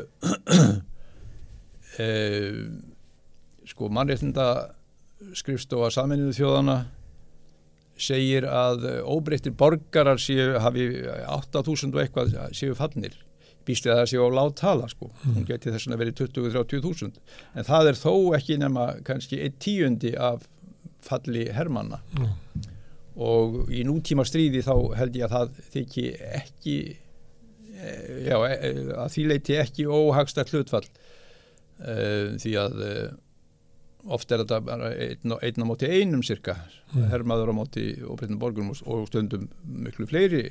Þannig að þetta er vond stríð en ekkit verra heldur en Nei, þetta er önnur. ekki verið en önnur. En með því er þetta ekki að réttlæta þetta stríð. Sýrlandsstríðið, Þar var svona, það var bariðist um hverja götu og hvert hverfi og fólkið var í Sýrland bara nýlega. Já, þar, já. þar er eftir, hérna, fólkið er flúið og eftir sittu bara raukar af byggingum, Já. bara eins og eftir jarðskjálta. í Rakka, hún, hún, var bara algjör drauga borg Og það, eru, það var, það var algjör terrorstríð sko. Sumir, lofti, sumir, lofti. Já, sumir af þessum bæjum sem er verið að berjast um í Úgræni er uh, samamerki brent, þetta er bara að búa eigða öllu er að En þetta er, er það sem er hluti af, af hérna, uh, stríðsæsingar áróðunum. mm, Það er að, uh, að uh, hérna, útmála anstæðingin uh, nógu mikið eins og hérna, þegar, að, að Saddam reyðist inn í Kuwait sko, þá, var, þá var sagt að, frá því hvernig Hermin Saddams hefðu farið inn á fæðingastofnanir og fæðingadeildir og hérna og rykt rifið eh, nýfættu börnin út úr súrefniskassanum og látið degja á gólfinu og, og í stórum stíl og, og í, og í uh, Serbíu voru sko 2000 af, af uh, Bosníu-serbum sem átti að hafa nöðgat 2000 bosnískra kvenna í byrjun stríðsins. Og uh, og þetta er, þetta er bara eins og þetta er bara hluti af stríðs áróðri það er að, að mála, útmála nógu mikið hversu, hversu sóðalegt sóðalegur anstæðingurinn er. Svona eru stríð almennt, þannig að þetta eftir að gera fólk ansnúið stríði yfirleitt. Já, en það er ekki tilgangurinn, það er að gera fólk ansnúið tiltegnum anstæðingi stríði já ég, og að lausnin gegn stríðinu sé stríð og sigur. Já, já. Og með því að, að segja engöngu vondursögurnar af anstæðingnum okkar Mm. menn eru ganga þarna fram með uh, Kurt og Pí Já. þannig að þetta var uh, Þetta var nú fjör, þetta var fjórður, fjórði Já. punktur já það kemur 50 svo 50 er Úkrænu gangi vel Já. í stríðinu og, og, og, og rússum mistækist um það bil allt Síðast var frétta því að rússnu varu hérna óæfðir hermenn rússa réðust fram án skotfæra og varu bara með skoblur já, og svo næsta frétt var það að þeir eru unnið ykkur á borg með þessum hætti. Þannig það er ekki allt, það eru nú svolítið skrýtnar sem að fréttunar sem koma. Já, einmitt en uh, en ég held að, að um, ja, þetta hefur verið alveg frá byrjun að, að uh, úkrænumönnum gangi vel og uh, það er hluti önnur hlið á stríðsæsingnum. Hinn er að s- segja hvað óindir eru mikla rosalega skeppnur en svo er þetta að okkur gengur vel og við getum unnið. Mm. okkar menn geta unnið. Og uh, Og engar aðra lyktir ásettanlegar nema fullnaða sigur. já, fullnaðar sigur á kjarnorkuveldinu. Mm. rekaða út af uh, krím og, og, og algjörlega yfir rúsnesku landamærin þetta er hins vegar áróður sem að er uh, alveg kontrafaktískur. Hann stendst ekki og uh, úkrænmenn geta aldrei unnið þetta stríð. Um, og, og ég held að menn hafa svona menn að vísu sko ímyndið sér kannski að um, að hérna að Rúsland gæti ekki haldið þessu úti með þessum rosalögu efnagsaðgerðum, efnagsrefsiaðgerðum sem þeir voru í og svo framvis.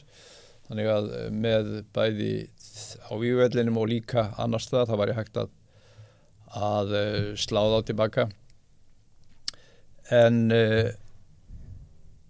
þeir hérna uh, staðrendin er að, að uh, rússar sækja á þeir, hérna, þeir fóru inn á svo breiðum front þarna þeir, þeir heldu greinilega þá að, að, að þeir gæt eins og þeir unnu krím á, á léttan hatt og eins og þeir unnu hérna, Georgiu létt þegar stríði stóðum Afkasíu og Ossetíu. Uh, þá hérna ímyndu þeir sér að þeir gætu held ég þvingað Úkrænu til, eh, til skjótra samninga með, með svona breyðri innrás en þá bara voru hérna uh, bæði úkrænski herin sterkari en þeir uh, hafðu alveg búist við og svo bakmennindir fyrir vestan voru hins vegar alveg klárlega á því að þeir að, að að Úkrænuminn ættu ekki að uh, semja, Mætt, mætti ekki semja. Mætti ekki semja. Þannig að, að, uh, að þá breyttu bara rússar taktík og drógu, drógu hérna, sóknina meira saman á ákveðin svæði en út frá þeim nýju forsendum þá, þá sækja þeir bara fram og uh, þeir verða ekkit stöðvaðir á vígvellinum af Úkrænu. Ekki í náinni framtíð en það segja bandarískir hessöngja það að þetta stríð muni verða í mörg ár. Já, já, það er líka meiningin, það, það er það er hérna hjá strategistunum þá er, er e, verkefni þessa stríðs er að taka rúsum blóð, veikja þá, festa þá í dýi. Mm. Þetta er svona Vietnam syndrómið að, að, að þetta verði alveg eins og Sýrland og, og, og Afganistan á sínum tíma að verða þeim hérna dý og uh, uh, sem þeir festis í það gjúr þeim kraftin. Og það sé þá frá sjónarhóli bandaríkjana sé markmið stríðsins að veikja Rúsland svo að það geti ekki hvernig myndu stórveldin hugsa það, ná vopnum sínum og byggja upp stöðu uh, þar sem að þau gætu setna meir orði og ógum í bandaríkin. Já, já, einmitt. Mm. Um, já, Mm. Þá er þau eftir punkt nummer 6. uh, alþjóða samfélagið uh, er saminað gegn rússum í þessu og uh, það uh, Þá höfum Evrópu, þá sérstak, höfum Bandaríkin og Kanada og Ástralíu og Nýsjáland það er á rétt og, og Japan, og Japana kannski. Suðu Kóru þannig að þetta er að það sýnir sig að uh, þau lönd sem eru til í að uh, fara í uh, aðgerði gegn rússum uh, að taka þátt raunverulega í stríðinni gegn með annarkvöld með því að senda vopn til Úkrænu eða taka þátt í efnahagsaðgerðunum efnahagsrefsiaðgerðunum. Það er fyrst og fremst NATO. Mm. og uh, og þessi lönd þarna í viðbót uh, en fimm lönd í viðbót Tryggustu bandamenn Bandaríkjana. já.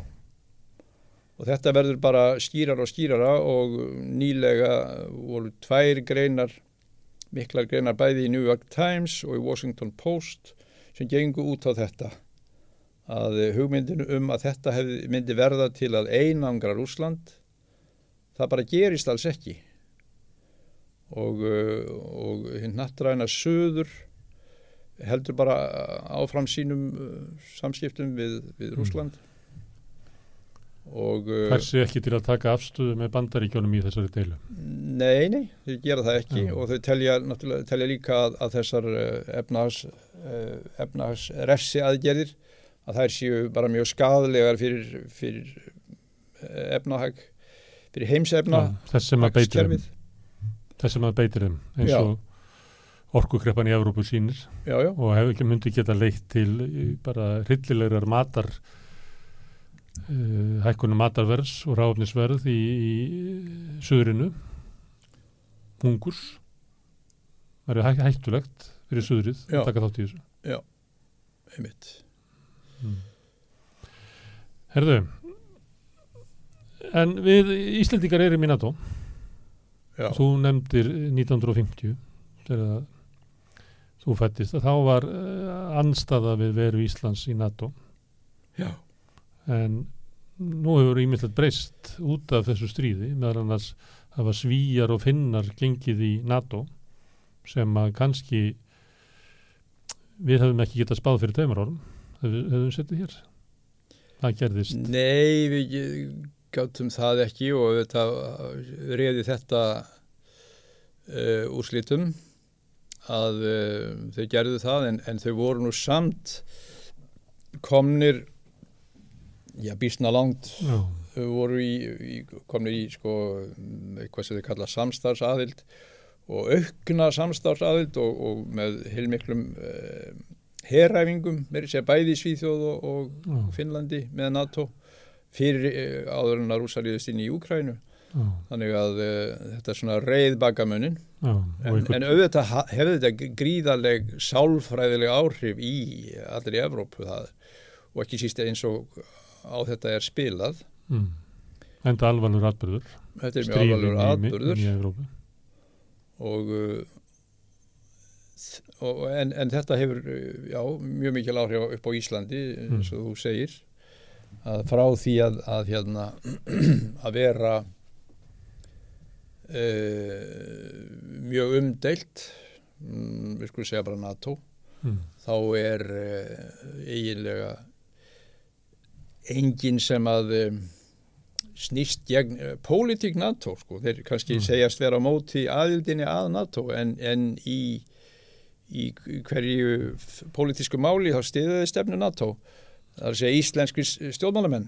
Já, Og- það er þú kannski að vísa sérstaklega til VFG sem er eina eini flokkurinn sem er á móti NATO í Já. náttúrulega ég menna, Katri? Jakobsdóttir fer uh, nú reglulega til, til á fundi NATO sem að fóristu menn í- íslenskra vinstrimanna hafa aldrei áður gert. Nei, og, uh, og afstafa þessarar íslensku ríkistjórnar til Úkrænustríðsins er algjörlega fumlaus stuðningu við NATO-línuna og, og uh, og aukna hernaðar uppbyggingu í Evrópu.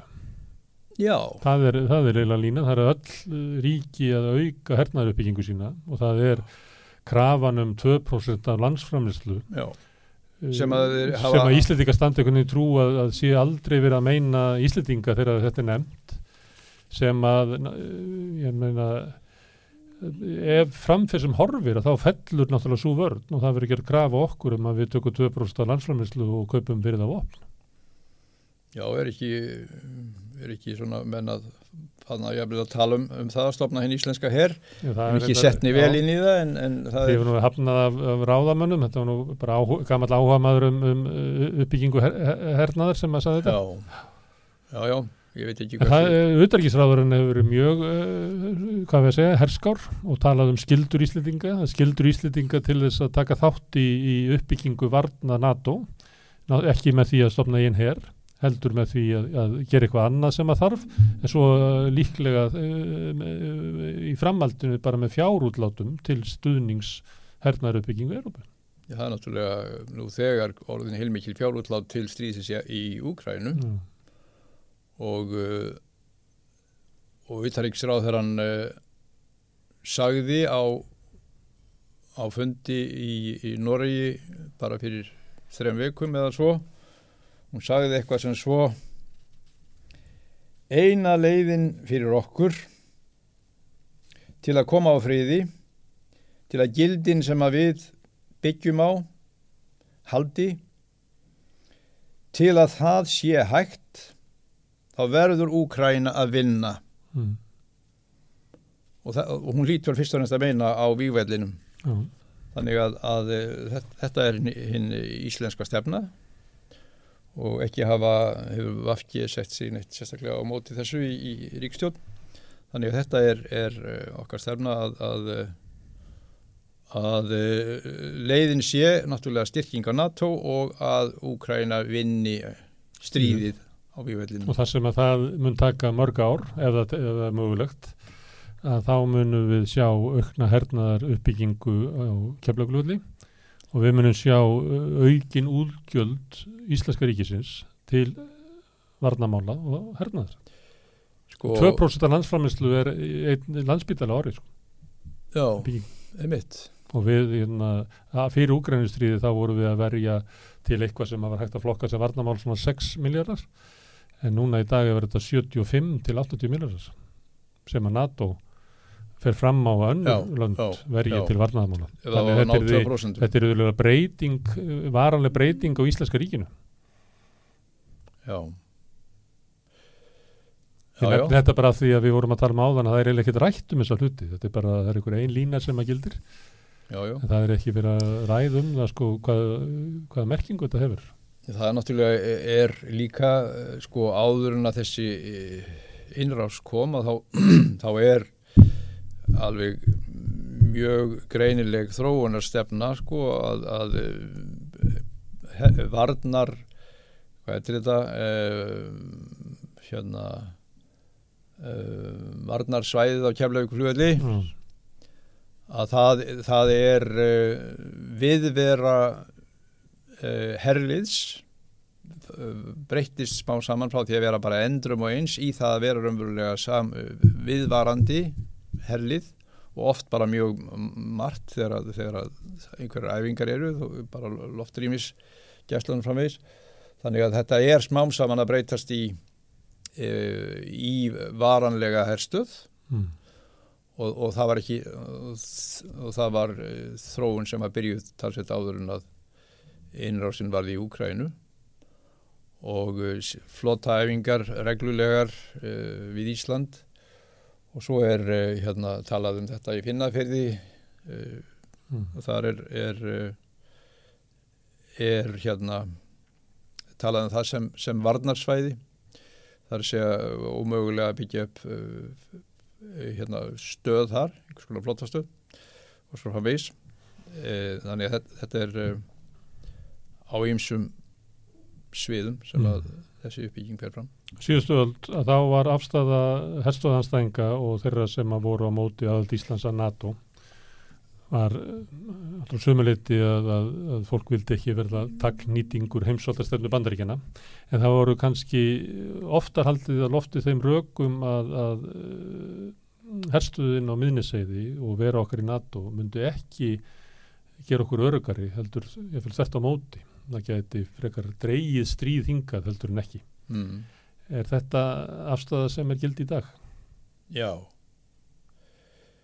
Og hún er, hún er gild um, uh, um Ísland og hún er gild almennt að, uh, að NATO sé uh, löst í Östur-Európu. Mm. Hún er löst mála að færa NATO upp að, að hérna, landamenn Rúslands þegar rússar eru búin að uh, hafa lagt niður varsabandaleið. Uh, við bara sjáum það, það bara blasir afskaplega skýrt við að hérna uh, það er ekki friðvænlegra af því að hérna NATO færi sig út um allt og byggja upp sína starfsemi. Uppbygging hernaða bandalags uh, eigur hættunar og stríði. Núna er NATO komið með fjóra nýja herflugvelli í Noregi. Það held ég ekki ekki, ég ger ekki friðvænlega gagvart nágrannum í austri eða, eða inganga finna og, svíð, og svíja. Ég meina, Úkræna er þá eintalega dæmi sem að, víti sem að til að varast, Mm. stildi maður halda. En Ísland er bergmálshellir eins og þú sagðir á þann, það sem að, að stefna stjórnvalda ómar, uh, það er ekki gott fyrir þig og aðra uh, herstuðanstæðinga og hérna NATO anstæðinga að tala gegn NATO í uh, miðjum stríðsæðsíknum. Nei, nei, menn fá náttúrulega í fyrsta lagi þá uh, eru menn nú bara takkaðir sko uh, en sérstaklega uh, eru þeir mobbaðir uh, sem pútinistar og og þannig að það er svo litið erfitt að að, að tala sínu máli Mm. Já, ég myndir ekki að geta sagt mjög erfitt Mm. því að það er ekki menn er ekki endilega að hérna að uh, leita að einhverju sammeiglir löst sko, Þa, þetta er eins og ég segi þe- þetta uh, stríðs ástand sem að uh, við erum í inn í bergmálshellinum það er náttúrulega að uh, stríðs æsingin er að veruleiti sálfræðileg og það er stór hluti af, af uh, stríðsrekstrinum að það er náttúrulega uh, áróðurinn Stríðvæðing hugafarsins. Við erum þar, við erum, við, við erum bara í stríði að þýleiti. Það er stríðsæðsíkurinn þannig og þeir sem vilja andmæla ofur stefnu að þeir eru stimplaði sem eh, stuðningsmenn anstæðingsins. Það er, við lifum í þannig ástandi. já, já Hvernig má ég spyrja þig að því að þú er nú hérna sósialisti, rótækur, varst í frambóði fyrir alltíðufylkinguna. Hvernig finnst þér það að vera klínt upp við Putin sem er nú fyrirverandi bandalagsmaður sjálfstæðsflokksins, hægri maður? Ha, og verður, verður seint þetta flokkan sem eh, bandamann sósialista? Finnst þér þetta ómaglegt að vera Já, já, það er uh, það er það náttúrulega. Ég, eh, við Pútín erum ekki pólitískir sálfélagar og ég tel að, að uh, rúsneska þjóðin þurfa að losa sig við Pútín. Mm, um, og, og uh, gera sína sósialsku byltingu aftur. Mm, uh, Pútín er hins vegar uh, er hérna fyrst og hennst rúsneskur þjóðarni sinni sem að hefur á marganhátt verið komið þjóðinni uh, áfram uh, hann, hann uh, svona kom hömlum á, á ólígarkana sem að eru hans menn en, en hann, hann hérna, kom þeim í þá stöðu að þeir skipta sér ekki og mikið af pólitík.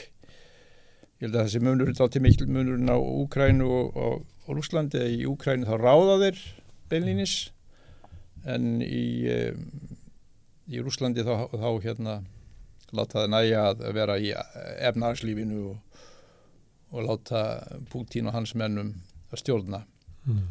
en allavega að eins og ég segi eh, Pútínisti er ég ekki og, og ég held að Rúsa þurfa að losa við Pútín en, eh, en núna eh, en þetta þarna er, er geopolítík Já. og eh, þar eh, já þar er Pútín í annars konar hlutverki Mm. ég held ekki hans í Hitler Má ég spyrja öðru, upplifur að úkrænumenn séu að berjast fyrir þínu frelsi og þínum lífskildum? mínum Mm. Það er það sem að þú varst að vitna í auðverkisráðuna sem sagði þetta, þannig að hann færi fram orust af mokkar gildi. Já, já, þeir úkrænumenn eru hérna fyrirmynd fyrir líðræðis þjóðir og, og og svo framvegis uh, og uh, við þurfum bara að láta það hafa. En uh, nei, nei, ég, ég held að Úkræna sé það er uh, þeirra þeirra þetta er sp- spilt land það er, er kuvera einna mest spilling á ymsa mæli hvaða í Úkrænu og um, e, Úkrænsk þjóðernistefna hefur alveg frá, frá uh, setna stríði verið, verið mjög blönduð öfgahægri og var, var það í stríðinu og, og, og, og síðan. Þannig að uh, uh, síðan hafa þeir núna í setjum tíð þá hefur um, uh, Selenski bannað eiginlega alla aðra flokka Mm. en sinn, alla vinstri flokka og uh, þannig að uh, Og fríðarhefingar? og svo, er, svo, svo er, er, má segja að að, uh, að uh, megin stefnan í, í þeirra politík er hið andrúsneska sko. Það er svona uh, það sem að uh, er límið í, í, í þeirra politík Já. þannig að það, er erfitt að flokka það sem okkar, erfitt að flokka það sem okkar gildi. Já, og ég, það er kannski svolítið, minnast aðeins á það að hérna, uh, hér á, núna er, er merkileg tillaga í, í gangi, uh, þingsálegtunar tillaga sem að ég held að sé nú bara í einhvers konar kynningu í dag að, um það að um, að hungursneiðin í Úkrænu 1933 Mm. hafi verið skipulögt um, þjóðarmál. Var, þetta ég held að vera samþýtt á þinginu í, í síðustu viku, þegar ekki? Var þetta ekki ágreitt á að ágreiða núna í dag? Já, Mm. Þetta nei, ég, ég held hún að hann sé, sé nú ekki afgreitt en, en, mér finnst þetta eiginlega alveg, Þingkona sjálfstæðarhúsi leggur þetta fram? En, en það er úr öllum flokkum og, og þar á meðal eh, Bjarni Jónsson, eh, formaður utarriksnemndar mm. úr Vafki.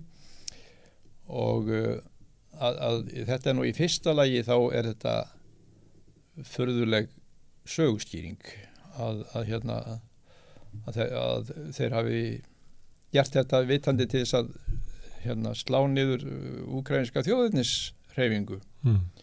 ekki líklegt til þess að slá hana niður Mm. að beita hungrinu og uh, í, í öðru lagi þá er þetta náttúrulega uh, í, í öfenda ekki íslenska þingmenn að, að fara að taka afstöðu til þessa og þurfa að kynna sér þeir hafa enga, engin, enga stöðu held ég til að taka kynna sér e, svona sögulegt sögulega spurningu En er þetta ekki liðurinn í því að, að skrýmsla væða anstæðingin? Og... Nei, það er mitt. Það, það er ekkit, þetta hefur engan annan tilgang en að vekja upp eh, and rúsahattur. Já. Ég, sé, ég get ekki séð neitt uh, annað í því uppbyggilegt. Nei. Herðu Þorren, kæra þakki fyrir að koma hingað að rauðaborðinu og ræða um uh, stríðsvæðingu NATO á þessum, segi ekki fordómalustu tímum, en aukvælum tímum sem við lifum á. Gaman að fá því, kontu hérna bara næstur og kemur í bæinn og góða ferð norður. Þakka fyrir. Herðu, og við vendum okkar hvaði kross og tökum næsta mál fyrir eftir augnablik.